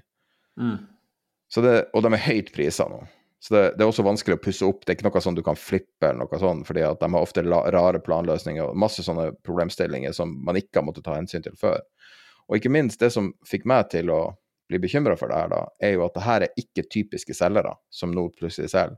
Det her er typiske holdere. Det er folk som har mye penger, som er ute etter en eh, å sitte og ri egentlig verdistigning over lang tid, men som også da kanskje med masse stordriftsfordel kanskje får en positiv gild på det her. Men hvis du sammenligner med næringseiendom, som er veldig naturlig å sammenligne, da, så er det liksom en katastrofal yield er 3 Og eh, nå er det mye høyere enn det. Sånn at det her med å drive utleie som business av privateiendom, hvis du ekskluderer kanskje Airbnb gjør det litt bedre, men hvis du ekskluderer det, så virker det som at det er rett og slett ikke i nærheten av næringseiendom, men folk betrakter det som om det var det. Og nå må folk sannsynligvis selge i større eller mindre grad. Det er veldig alvorlig, det som skjer nå. Og det er vanskelig å si hva som vil skje, skje framover, men det vil nok være ganske brutalt til tider. Ja, det er interessant, fordi det er nok riktig som du sier, at de aller fleste har jo betraktet dette her Altså hvis du, hvis du gikk i null, så, så, sitter du jo liksom på en gratis opsjon fordi prisstigning var nærmest garantert, eller man følte jo det. Altså prisstigning på bolig. Slik at hvis du da leide den ut, og så solgte den om fem år, så hadde du liksom fantastisk gevinst. Og, jo, og sånn har det jo vært òg. Men det er klart, med høyere rente skulle det bare mangle om det ikke, om, om det ikke slo inn. Men så, så, snakker man hele tiden om det der behovet når, man har i, spesielt i, uh, i, Oslo. Og Trygve Hegnar sa det jo helt klart at uh, sykepleierne de kunne flytte til Drammen. Uh, han fortalte at mens han, han, selv, når han kjørte den veien, skulle til Lyngør, Uh, greit, men uh, Og at det var ikke noe mål i seg selv han, Det var ikke noe mål i seg selv at sykepleiere skulle, skulle bo i hovedstaden. Uh, godt mulig, men vi trenger de nå. Og, så det kan jo hende at, at, at det skjer noe på den, den fronten. Jeg hørte om en leilighet her forleden, og det var faktisk Frogner, og den var på over 100 kvadrat. og den Der har jo prisene ligget over 100 000 kroner og gått over, og den her, den her gikk for 9,1.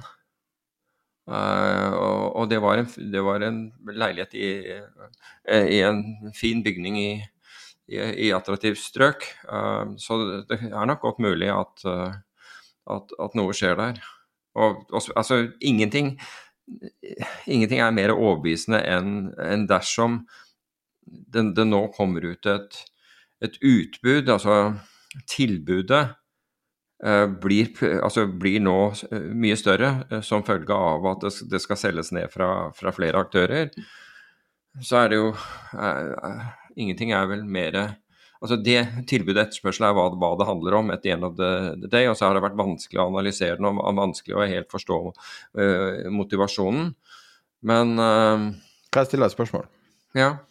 Hvis du sitter og hører på det her, og du selvfølgelig, hvis man eier det, vil ikke være pessimist, og det forstår jeg, og vi prøver virkelig å ha mm. respekt for at det her er en veldig stor risiko vi snakker om her. Det her er sånn som kan ødelegge 20 år av livet til folk. Uh, hvis du sitter og hører på det her da, og sitter og, og blør penger hver måned, handler det her bare om å være raskere enn naboen? Ja. Og selge først? Ja, det gjør jo det. Absolutt gjør det det. Um, og så er det de som sier at du skal ha is i maven. ikke sant? Så, men, men, du kan si tar du feil der, så, så, så, kan det jo koste deg mye. Og En annen ting er at vi har jo snakket om alle disse nyboligene som man ikke, ikke får solgt. og så Nå begynner jo entreprenører å gå over ende osv. Hva, altså, hva skal da skje med, disse, med, med, som, med det som er nytt? Altså, hvis ikke nybolig blir solgt i et marked hvor annenhåndsmarkedet eh, fortsetter å virke, så er det, fordi nyboligmarkedene, unnskyld, ny, nyboligprisene er for høye relativt til, eh, til, til, de andre. På et eller annet tidspunkt da, og spesielt hvis bankene overtar, så vil jo disse nye, nye boligene, som da vi Første gang vi påpekte det, fikk fra en, en, en, nestor i bransjen høre at da var det bare å sitte, de ville bare sitte og, og, og vente. Men så har vi hatt jeg husker ikke hvor mange renteoppganger vi har hatt. Ja. Hvor mange er det? Men det spiller ingen rolle. Men altså, vi har hatt hele serien med renteoppganger etterpå. Og det er ikke sikkert at man har råd til å sitte og vente. Og da plutselig begynner å, hvis du begynner å få press fra den at, at nå må vi bare se å bli kvitt eh, de boligene også, så endrer jo bildet seg ganske dramatisk. Nå vet ikke jeg om det skjer, for jeg er ikke noen ekspert på, på, på, på real estate, eller på, på eiendomsmarkedet. Men jeg tror jeg forstår litt av, av, av balansen mellom tilbud og etterspørsel. Og så er det hvor grundig man har klart å analysere seg frem til for, forholdet mellom tilbud og etterspørsel. Fordi det kan være ting som jeg uh, overser. Det kan være eh, etterspørsel som jeg undervurderer. Uh, eller det kan, være et tilbud som jeg overvurderer. Det, det, er fullt mulig, men jeg, tror tror the end of the day at hvis vi altså Der du og jeg Eh, kommer til kort når det gjelder domenekunnskap, så har, så har vi veldig ofte tilgang til folk som, som har domenekunnskapen.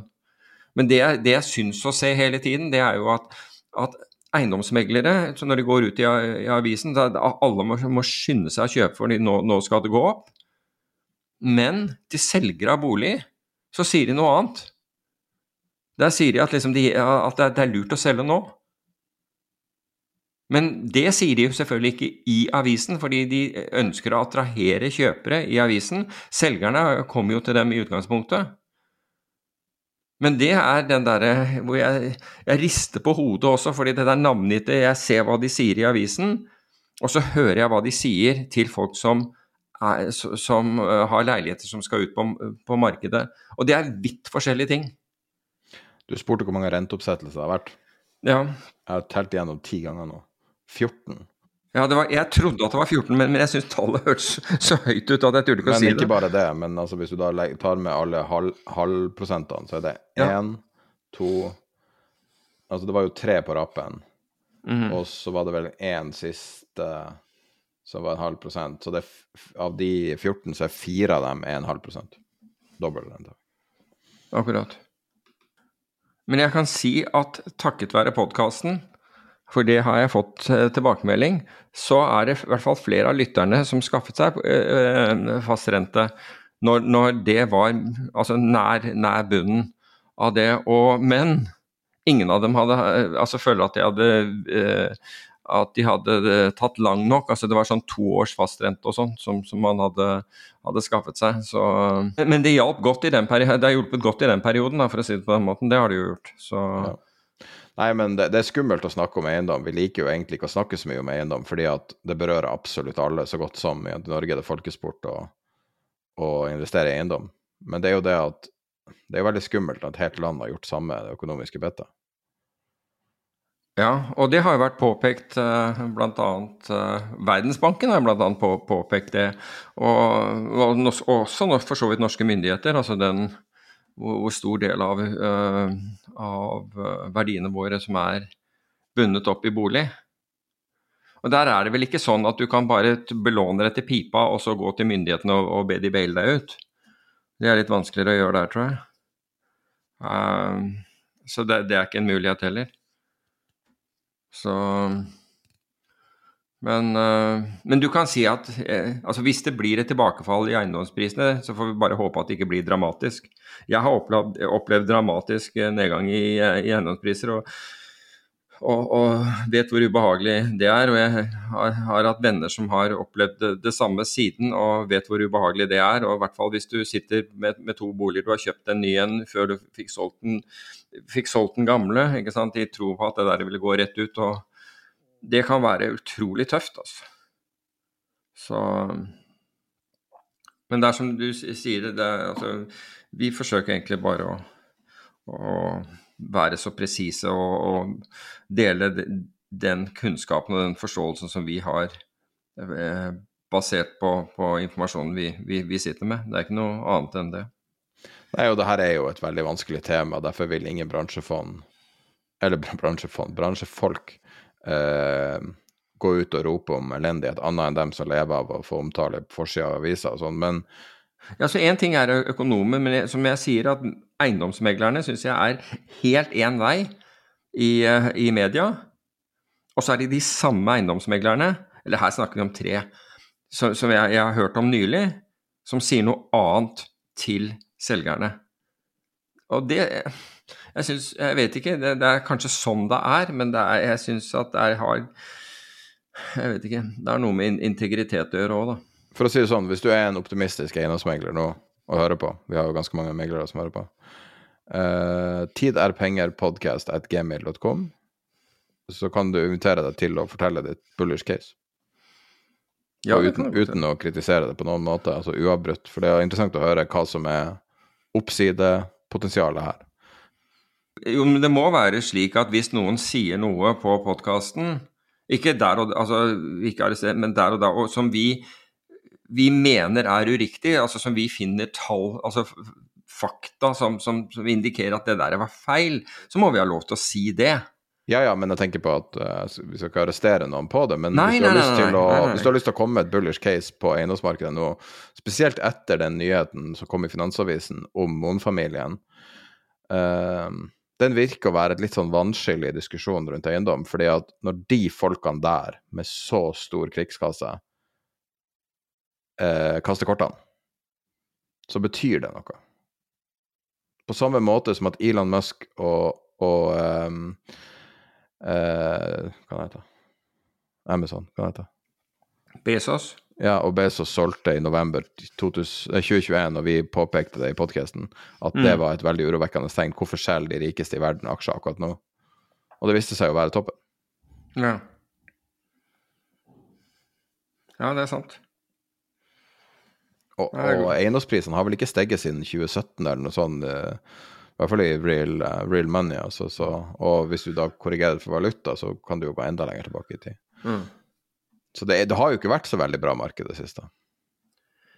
Nei, det det er, i hvert fall ikke Eller du kan si du får inntrykk av at det har vært det. altså Du hører folk liksom Det var en som hadde kjøpt en, en leilighet, det var for øvrig på, på Frogner, veldig i nærheten av eh, rett bak, eller på andre siden av uh, Bygdøy allé fra Frogner kirke, Balkens gate. Kjøpt den for fem, flippet den for syv. Men, men ble da spurt om, om uh, hvor mye eh, oppussingen og sånt var gjort, og da sa vedkommende det var betydelig. Så, men det gikk ut med pluss. Men det, men det, var en betydelig innsats. Men det hørtes jo helt fantastisk ut. 40 ikke sant, uh, avkastning på, på, en sånn flipp. Men, men i, i, det minste så var vedkommende altså Det er greit at de ikke ville fortelle akkurat hva, hva gevinsten var, men, det var, fall på spørsmål um, uh, ærlig på at, at, en, at uh, det var betydelig oppussing, uh, kostnader, i, i, før, før, den ble solgt for syv. Da. Skal vi snakke bitte litt om resultater for Nordisk Edgefond? Ja, jeg syns det, altså, det, det. så lenge ut som Norge skulle, skulle, skulle ta kaka der, men med 0,02 prosentpoeng så, så, kom i snitt i avkastning, så, så kom vi bak, uh, bak uh, Danmark. Um, og så Danmark, altså gjennomsnittshedgefondet, altså basert på, på den indeksen over hedgefond, i Danmark så var det opp 9,09 prosent. Mens, eh, mens eh, gjennomsnitts norske hedgefondet var opp 9,07. Og det er, jeg, jeg syns jo det er uh, utrolig bra. Og hvis du ser til Finland, så var de opp 3,78 i, i snitt. Og svenskene var enda lavere, med 2,34. Og det er jo de som har mest erfaring med, med hedgefond i, i Norge. Og jeg tror danskene gikk av gårde med Gjorde de det? Eller nei, det gjorde, de gjorde de ikke, for det gjorde faktisk Norge. Pareto Total tror jeg ble det beste hedgefondet i, i, blant de, de, de, nordiske. Med en avkastning på 31,38% og Det må jo sies å være veldig bra. Nå, altså Når jeg ser på det og, og kjører noe analyse på, på, på avkastningen her i forhold til i forhold til aksjemarkedet, altså i forhold til retning på aksjemarkedet, så er det jo, en, så er det jo klart en beta i dette fondet. Det, dette er jo et fond som er mer, mer likt å være long aksjer, men det, det outperformer aksjer. Da. Det, det, må jeg si. Så, så, det er jo en eh, Så det er jo et alternativ. Altså, vi, jeg tror Var det Jeg lurer på om de har hatt Analysert så har de levert 12, eh, rett over 12 eh, avkastning, og det må jo sies å være, være veldig bra. Så eh, i, jeg tror danskene hadde det nest beste fondet, som da hadde steget 30,7. Og de de, de, fem beste danske hedgefondene var alle rentefond, bare så det er sagt. Mens i, i Norge så var, det, så var det mye mer egentlig diversifisert, i hvert fall på, på strategi. altså Nå vet jeg ikke Pareto total, går ut ifra kanskje globale, globale aksjer har anledning til det, men eh, på, på annenplass så hadde du eh, Oslo Asset Management med, med nesten 23 eh, oppgang. Som, han gjør ting innenfor sektoren energi.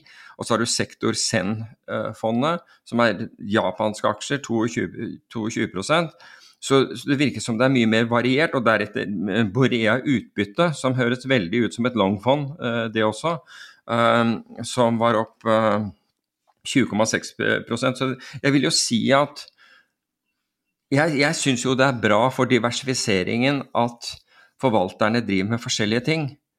Uh, altså Hvis du skal ha en portefølje av forvaltere, så vil du ikke at alle forvalterne er, driver med akkurat det samme.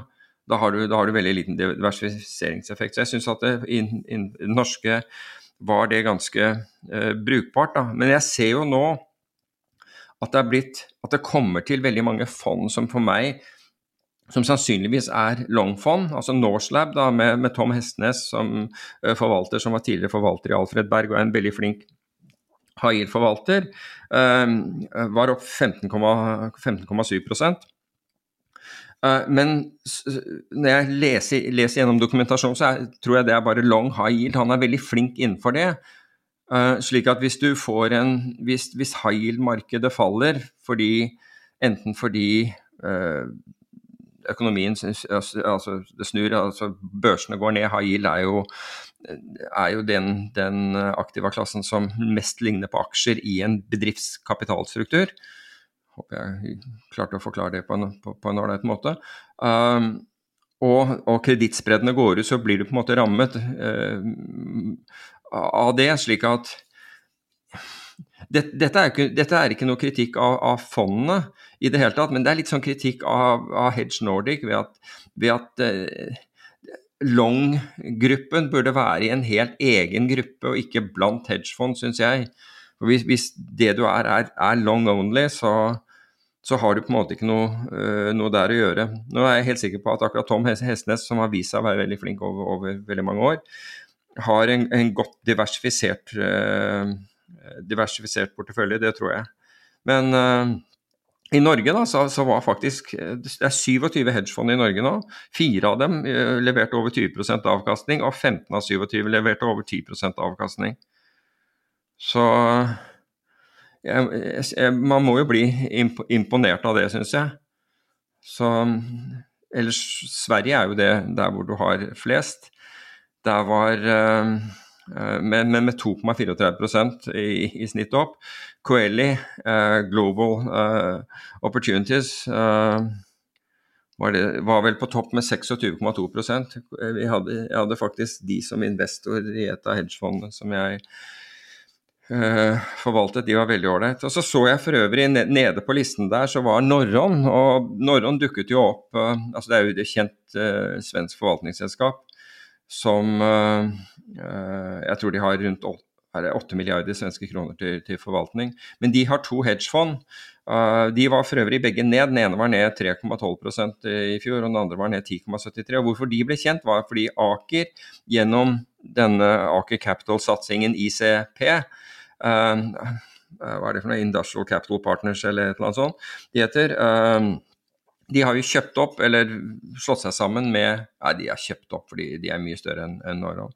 De har jo kjøpt opp disse her. Så, så den eh, De har to hedgefond. Den ene heter eh, Total Return. Den har levert 2,7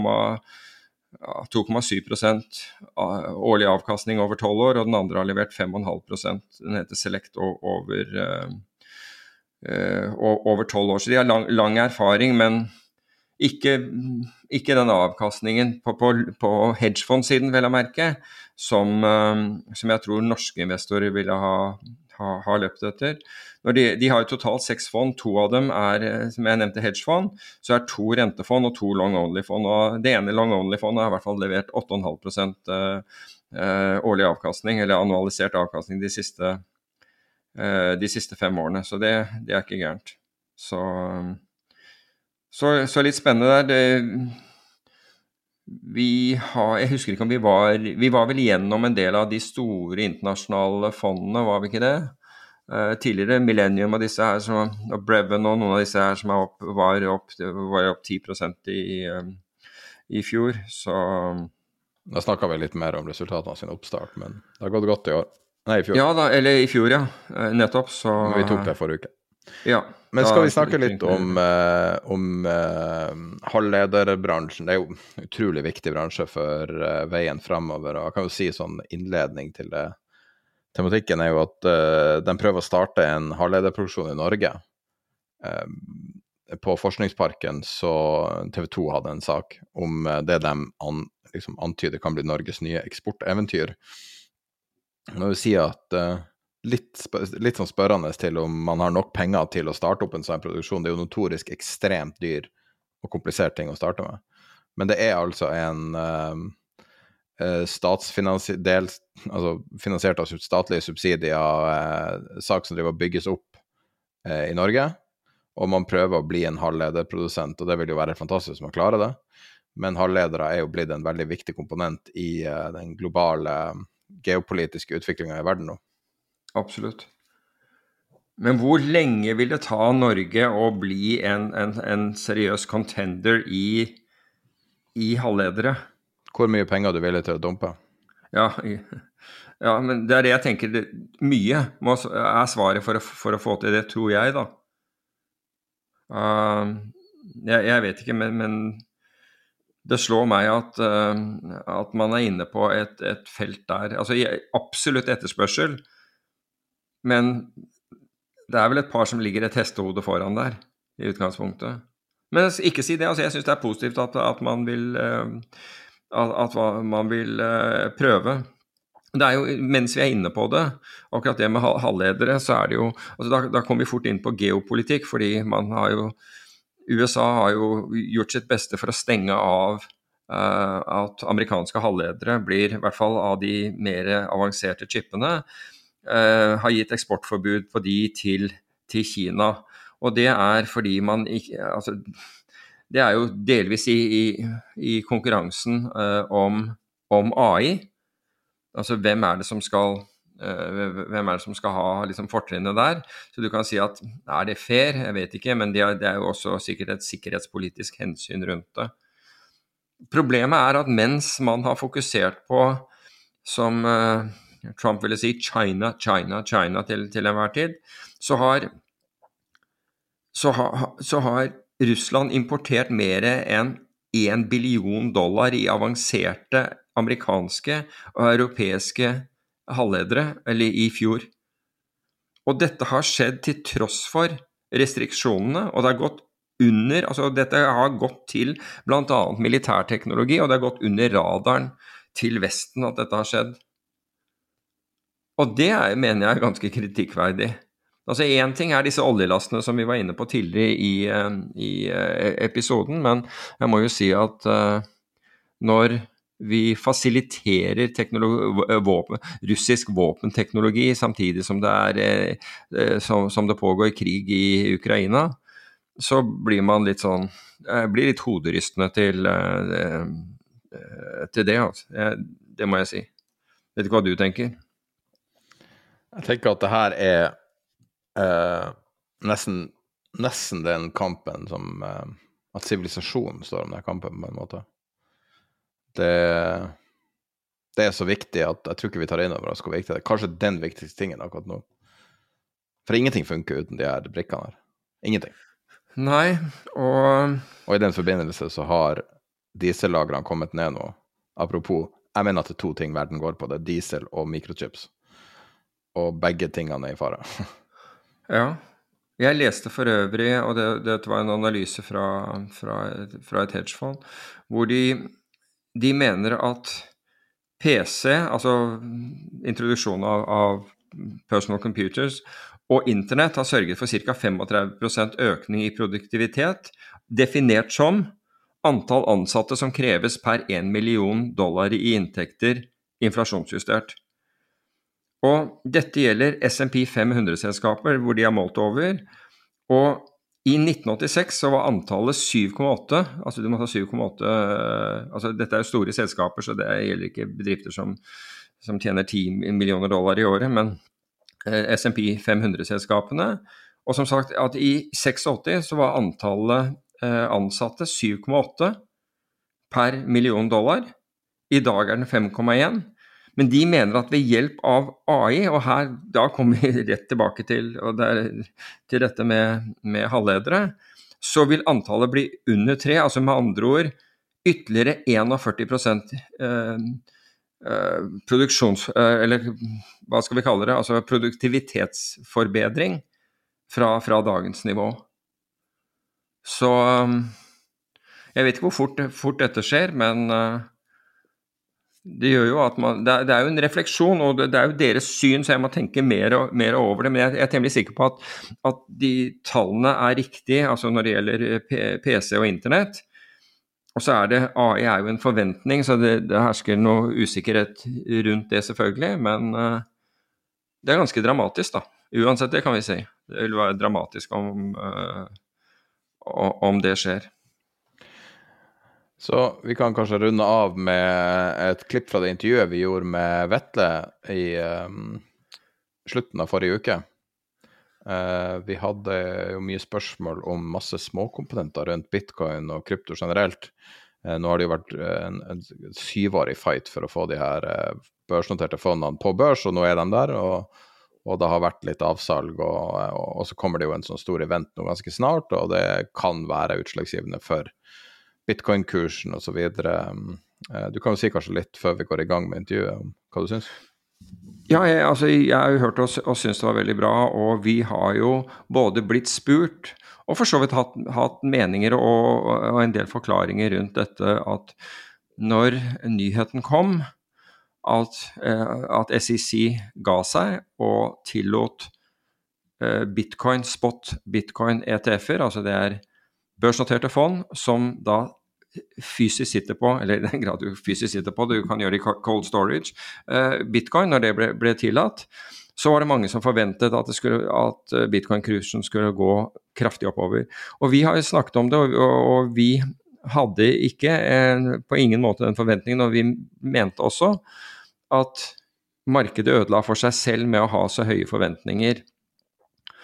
Hvilket jeg føler at det gjorde. Men uh, det var en faktor her som jeg må innrømme jeg burde ha tenkt på, og som var, var opplagt hvis, jeg, hvis, vi hadde liksom brukt kvarter til med, med, å tenke på hva er det som kan Hva er, som, hva er, motkraften her, siden det, dette ikke går, når vi ser, uh, når vi ser at, det er, at, det har vært etterspørsel. Hvordan, hvordan hva, hvem, hvem er det som på en måte selger? Og det følte jeg at uh, den, den, den X-faktoren der, den uh, bidro Vetle til å, å oppklare. Og idet jeg hørte han si det, så tenkte jeg selvfølgelig.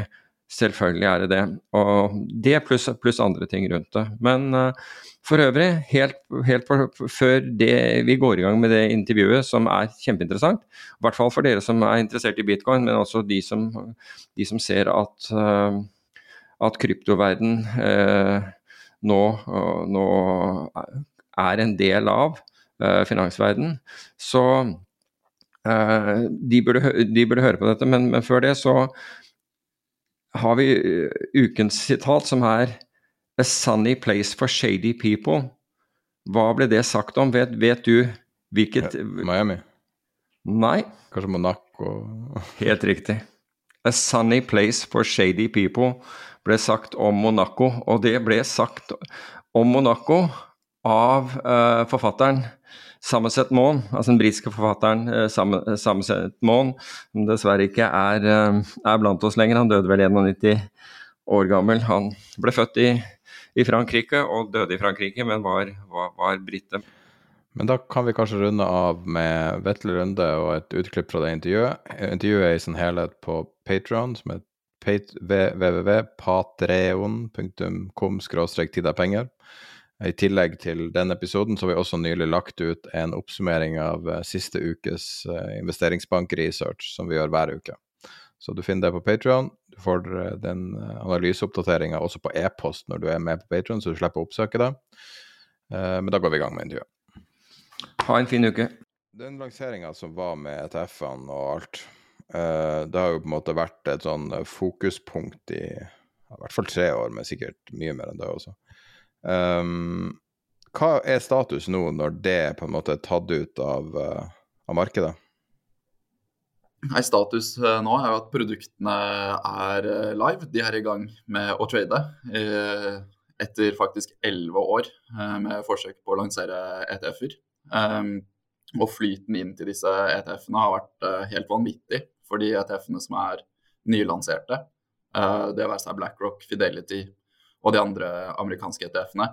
De har tiltrukket seg 130 000 bitcoins uh, i løpet av de siste tre ukene. Men samtidig så har også GBTC, som er Grayscale sitt tidligere, tidligere lukkede bitcoin-fond, også nå blitt åpnet i form av en ETF. Og der har det vært helt enorm flyt ut. Så flyten har nesten nettet seg ut i begge retninger. Og um, akkurat uh, hvordan uh, flyten har vært i grayscale, er, uh, er veldig interessant, for at det toucher innom så mye gammel kryptohistorikk. Grayscale har vært et veldig giftig produkt fra, fra dag én.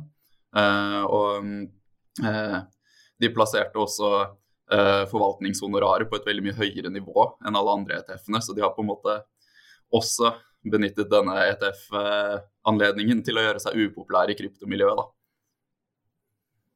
Det er interessant at det du sier er at uh, det netter seg ut. sånn at um, For det vi har sett i de analyser og lest altså mer konvensjonelle finansanalyser, så ser det ut som at det ikke er så stor uh, måte, ny flyt inn i bitcoin. Og det måte, er jo second source på det du sier, at, at det er nett null. Um, er det en skuffelse at det ikke er nye type kjøpere? At det er bare folk som, som flipper rundt eh, gammel sånne proxyer?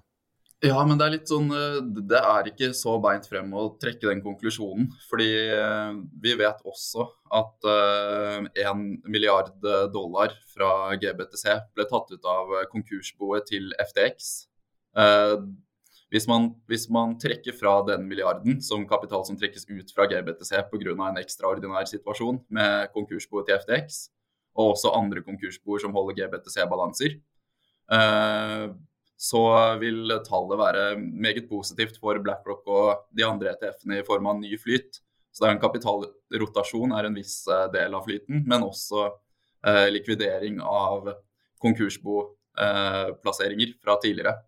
Og netto nå, hvis man bare ser på amerikanske produkter isolert, så er fortsatt EUM-flyten eh, inn 700, dollar, 700 millioner dollar. Og hvis man ser på det med globale linser, så er den litt mer moderat, men eh, fortsatt eh, betydelig positiv. Så um, flyten har nok skuffet noe, men volumene har vært svært høye. og Uh, flyten har også hatt litt sånn ekstraordinær, uh, ekstraordinært bakteppe, som har gjort, uh, gjort den ja, litt nettete nøytral når man aggregerer det. Det er ganske overraskende, for uh, det her har jo fått uhyre mye oppmerksomhet, og det var jo uh, frontrunna i veldig stor grad før det skjedde. Der folk uh, forventa da at man skulle ha kanskje en lignende effekt, sånn som når Tesla ble inkludert i SMP 500 at du får da Det ene er at du får at veldig mange kan kjøpe pga. mandat, men det andre er jo også at folk kan bli tvunget til å kjøpe uh, fordi at man må eie hele markedet eller whatever. Altså alle har jo så, det er så mange mandater. Har vi sett noen effekter av uh, folk som er på en måte blitt i anførselstegn tvunget inn i det? Uh, nei, vi har, ikke sett, uh, sett noen effekt av det uh, enda. Det vi har sett, er at uh, f.eks. ARK sitt uh, teknologifond nå har begynt å kjøpe sin egen bitcoin-ETF istedenfor uh, futures-baserte bitcoin-ETF-er. Så der har det vært en rotasjonsflyt. Og så har nå egentlig de seneste dagene har det vært litt mer aktivitet i form av på en måte markedsføring av disse produktene med at BlackRock skal holde kurs i bitcoin og kryptovaluta.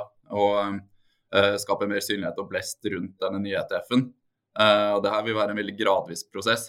Altså Teslas inkludering uh, i SNP er på en måte det, det, det er et eksempel som slo veldig positivt ut på Tesla-kursen. Men en annen historisk kontekst å se tilbake på er jo lanseringen av gull-ETF-er i 2004.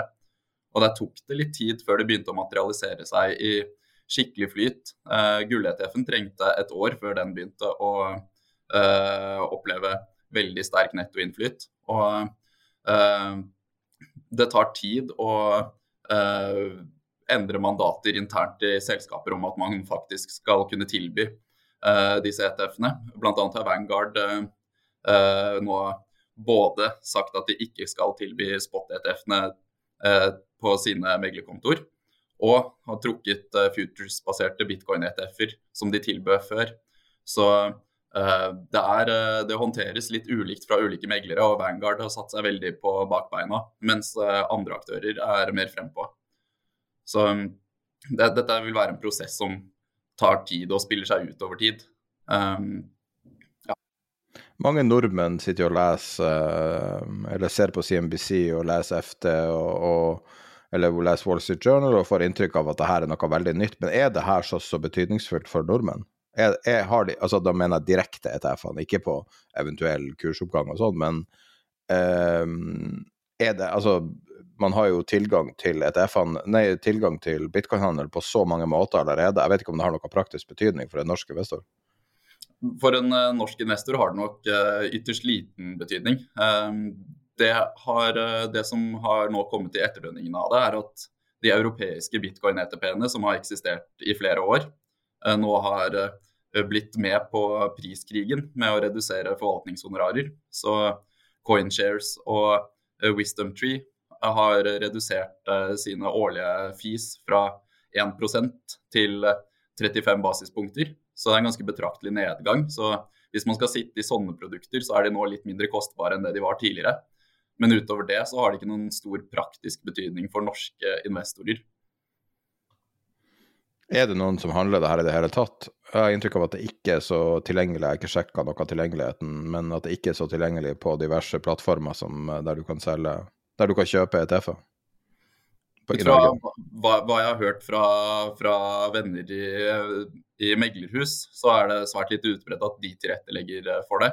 Uh, men man kan som privatinvestor helt fint kjøpe uh, den slags eksponering på Nordnett. Og jeg vet at Nornett hadde veldig høy pågang på disse bitcoin-investeringsinstrumentene i 2017, men at det ikke var like populært i 2020 og 2021. Hvorfor, det vet jeg ikke, men det var en periode hvor Firi virkelig skjøt fart og ble børsen nordmenn gikk til for å handle kryptovaluta. Så det kan ha en sammenheng med, med det. Hva tror du er grunnen til at uh, Firi Firi har jo vært så utrolig god, og, uh, og har jo tatt en 70, 70% markedsandel eller noe i den duren. Kanskje mer enn det også. Og, um, og, de har jo relativt høye priser, men det virker å være at folk foretrekker dem, at, at det er en kvalitetsforskjell. Hvordan opplever du forskjellen på de? Ja, nei, det er veldig interessant. De skjøt jo virkelig fart uh, i desember og januar 2021. Uh, eh, vokste brukermassen masse. Og på det tidspunktet så var de også veldig aggressive og ute med markedskampanjer. De, de tapetserte busser og Nationaltheatret og var ekstremt synlige. Og børsen har alltid fungert godt. Den har vært veldig enkel å bruke, veldig tilgjengelig. Og har også sånn brukergrensesnitt som uh, som ikke oppleves som uh, skummelt for, uh, for nye investorer. Så Fire er sånn veldig appellerende plattform for, for småsparere, på tross av at prisene de, de, kan ha vid spread, men det er veldig enkelt og veldig tilgjengelig. Og Fire har vært veldig veldig bra for det norske markedet og kommer til å fortsette å være en sentral del av det norske kryptomarkedet og retail-investering fremover. Ja, hvis man ser på, uh, på spreaden som er på pri, kryptopris, som er Eldjarn sin side, uh, så er jo fire helt grei. Uh, men du ser jo at enkelte aktører som er veldig store, sånn som Coinbase, eller Coin, vanlig Coinbase Og, og hvis du bruker Visa på Binance f.eks., så er det jo mye dyrere. Um, hvordan, hvordan ville du handla? Eh, jeg ville Nå er jo jeg biased i lys av at jeg kommer fra K33. Og jeg ser dere står på lista, ja, selvfølgelig. Ok, jeg skjønner. men, men jeg, jeg, ville altså jeg, jeg, ville jo handlet eh, på K33, men jeg ville også ha uh, handlet på en norsk børs uavhengig av det. Jeg har kjøpt via Fire, jeg har kjøpt via bare bitcoin, jeg har kjøpt via NBX og jeg har solgt via alle disse børsene også. Um, det er uh, praktisk at compliance håndteres uh, av en norsk aktør. At de har midler på norske bankkontoer som de kan sende til min norske bankkonto.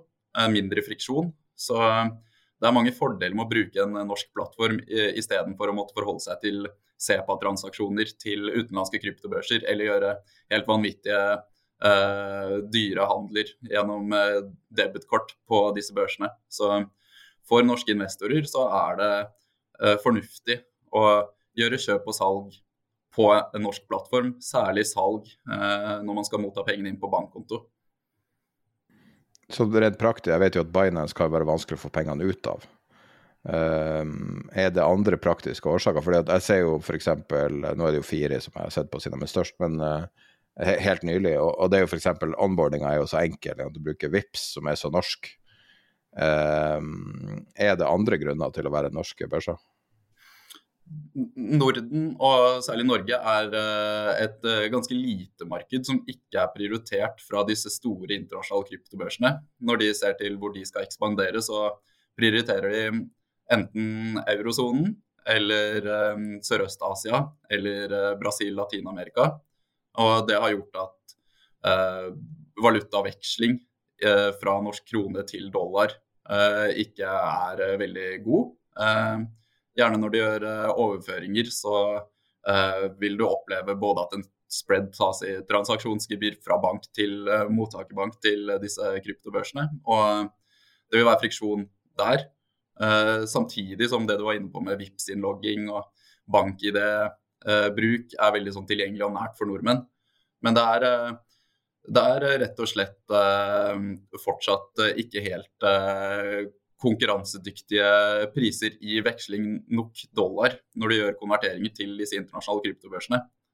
Og Det er på en måte et gode man har på de norske børsene. For at du har bl.a. aktører som Eldjarn, som har slått seg opp veldig og tar uh, gjennom sin marketmaking og bidrar til at uh, prisene blir uh, mer fornuftige for nordmenn. Da.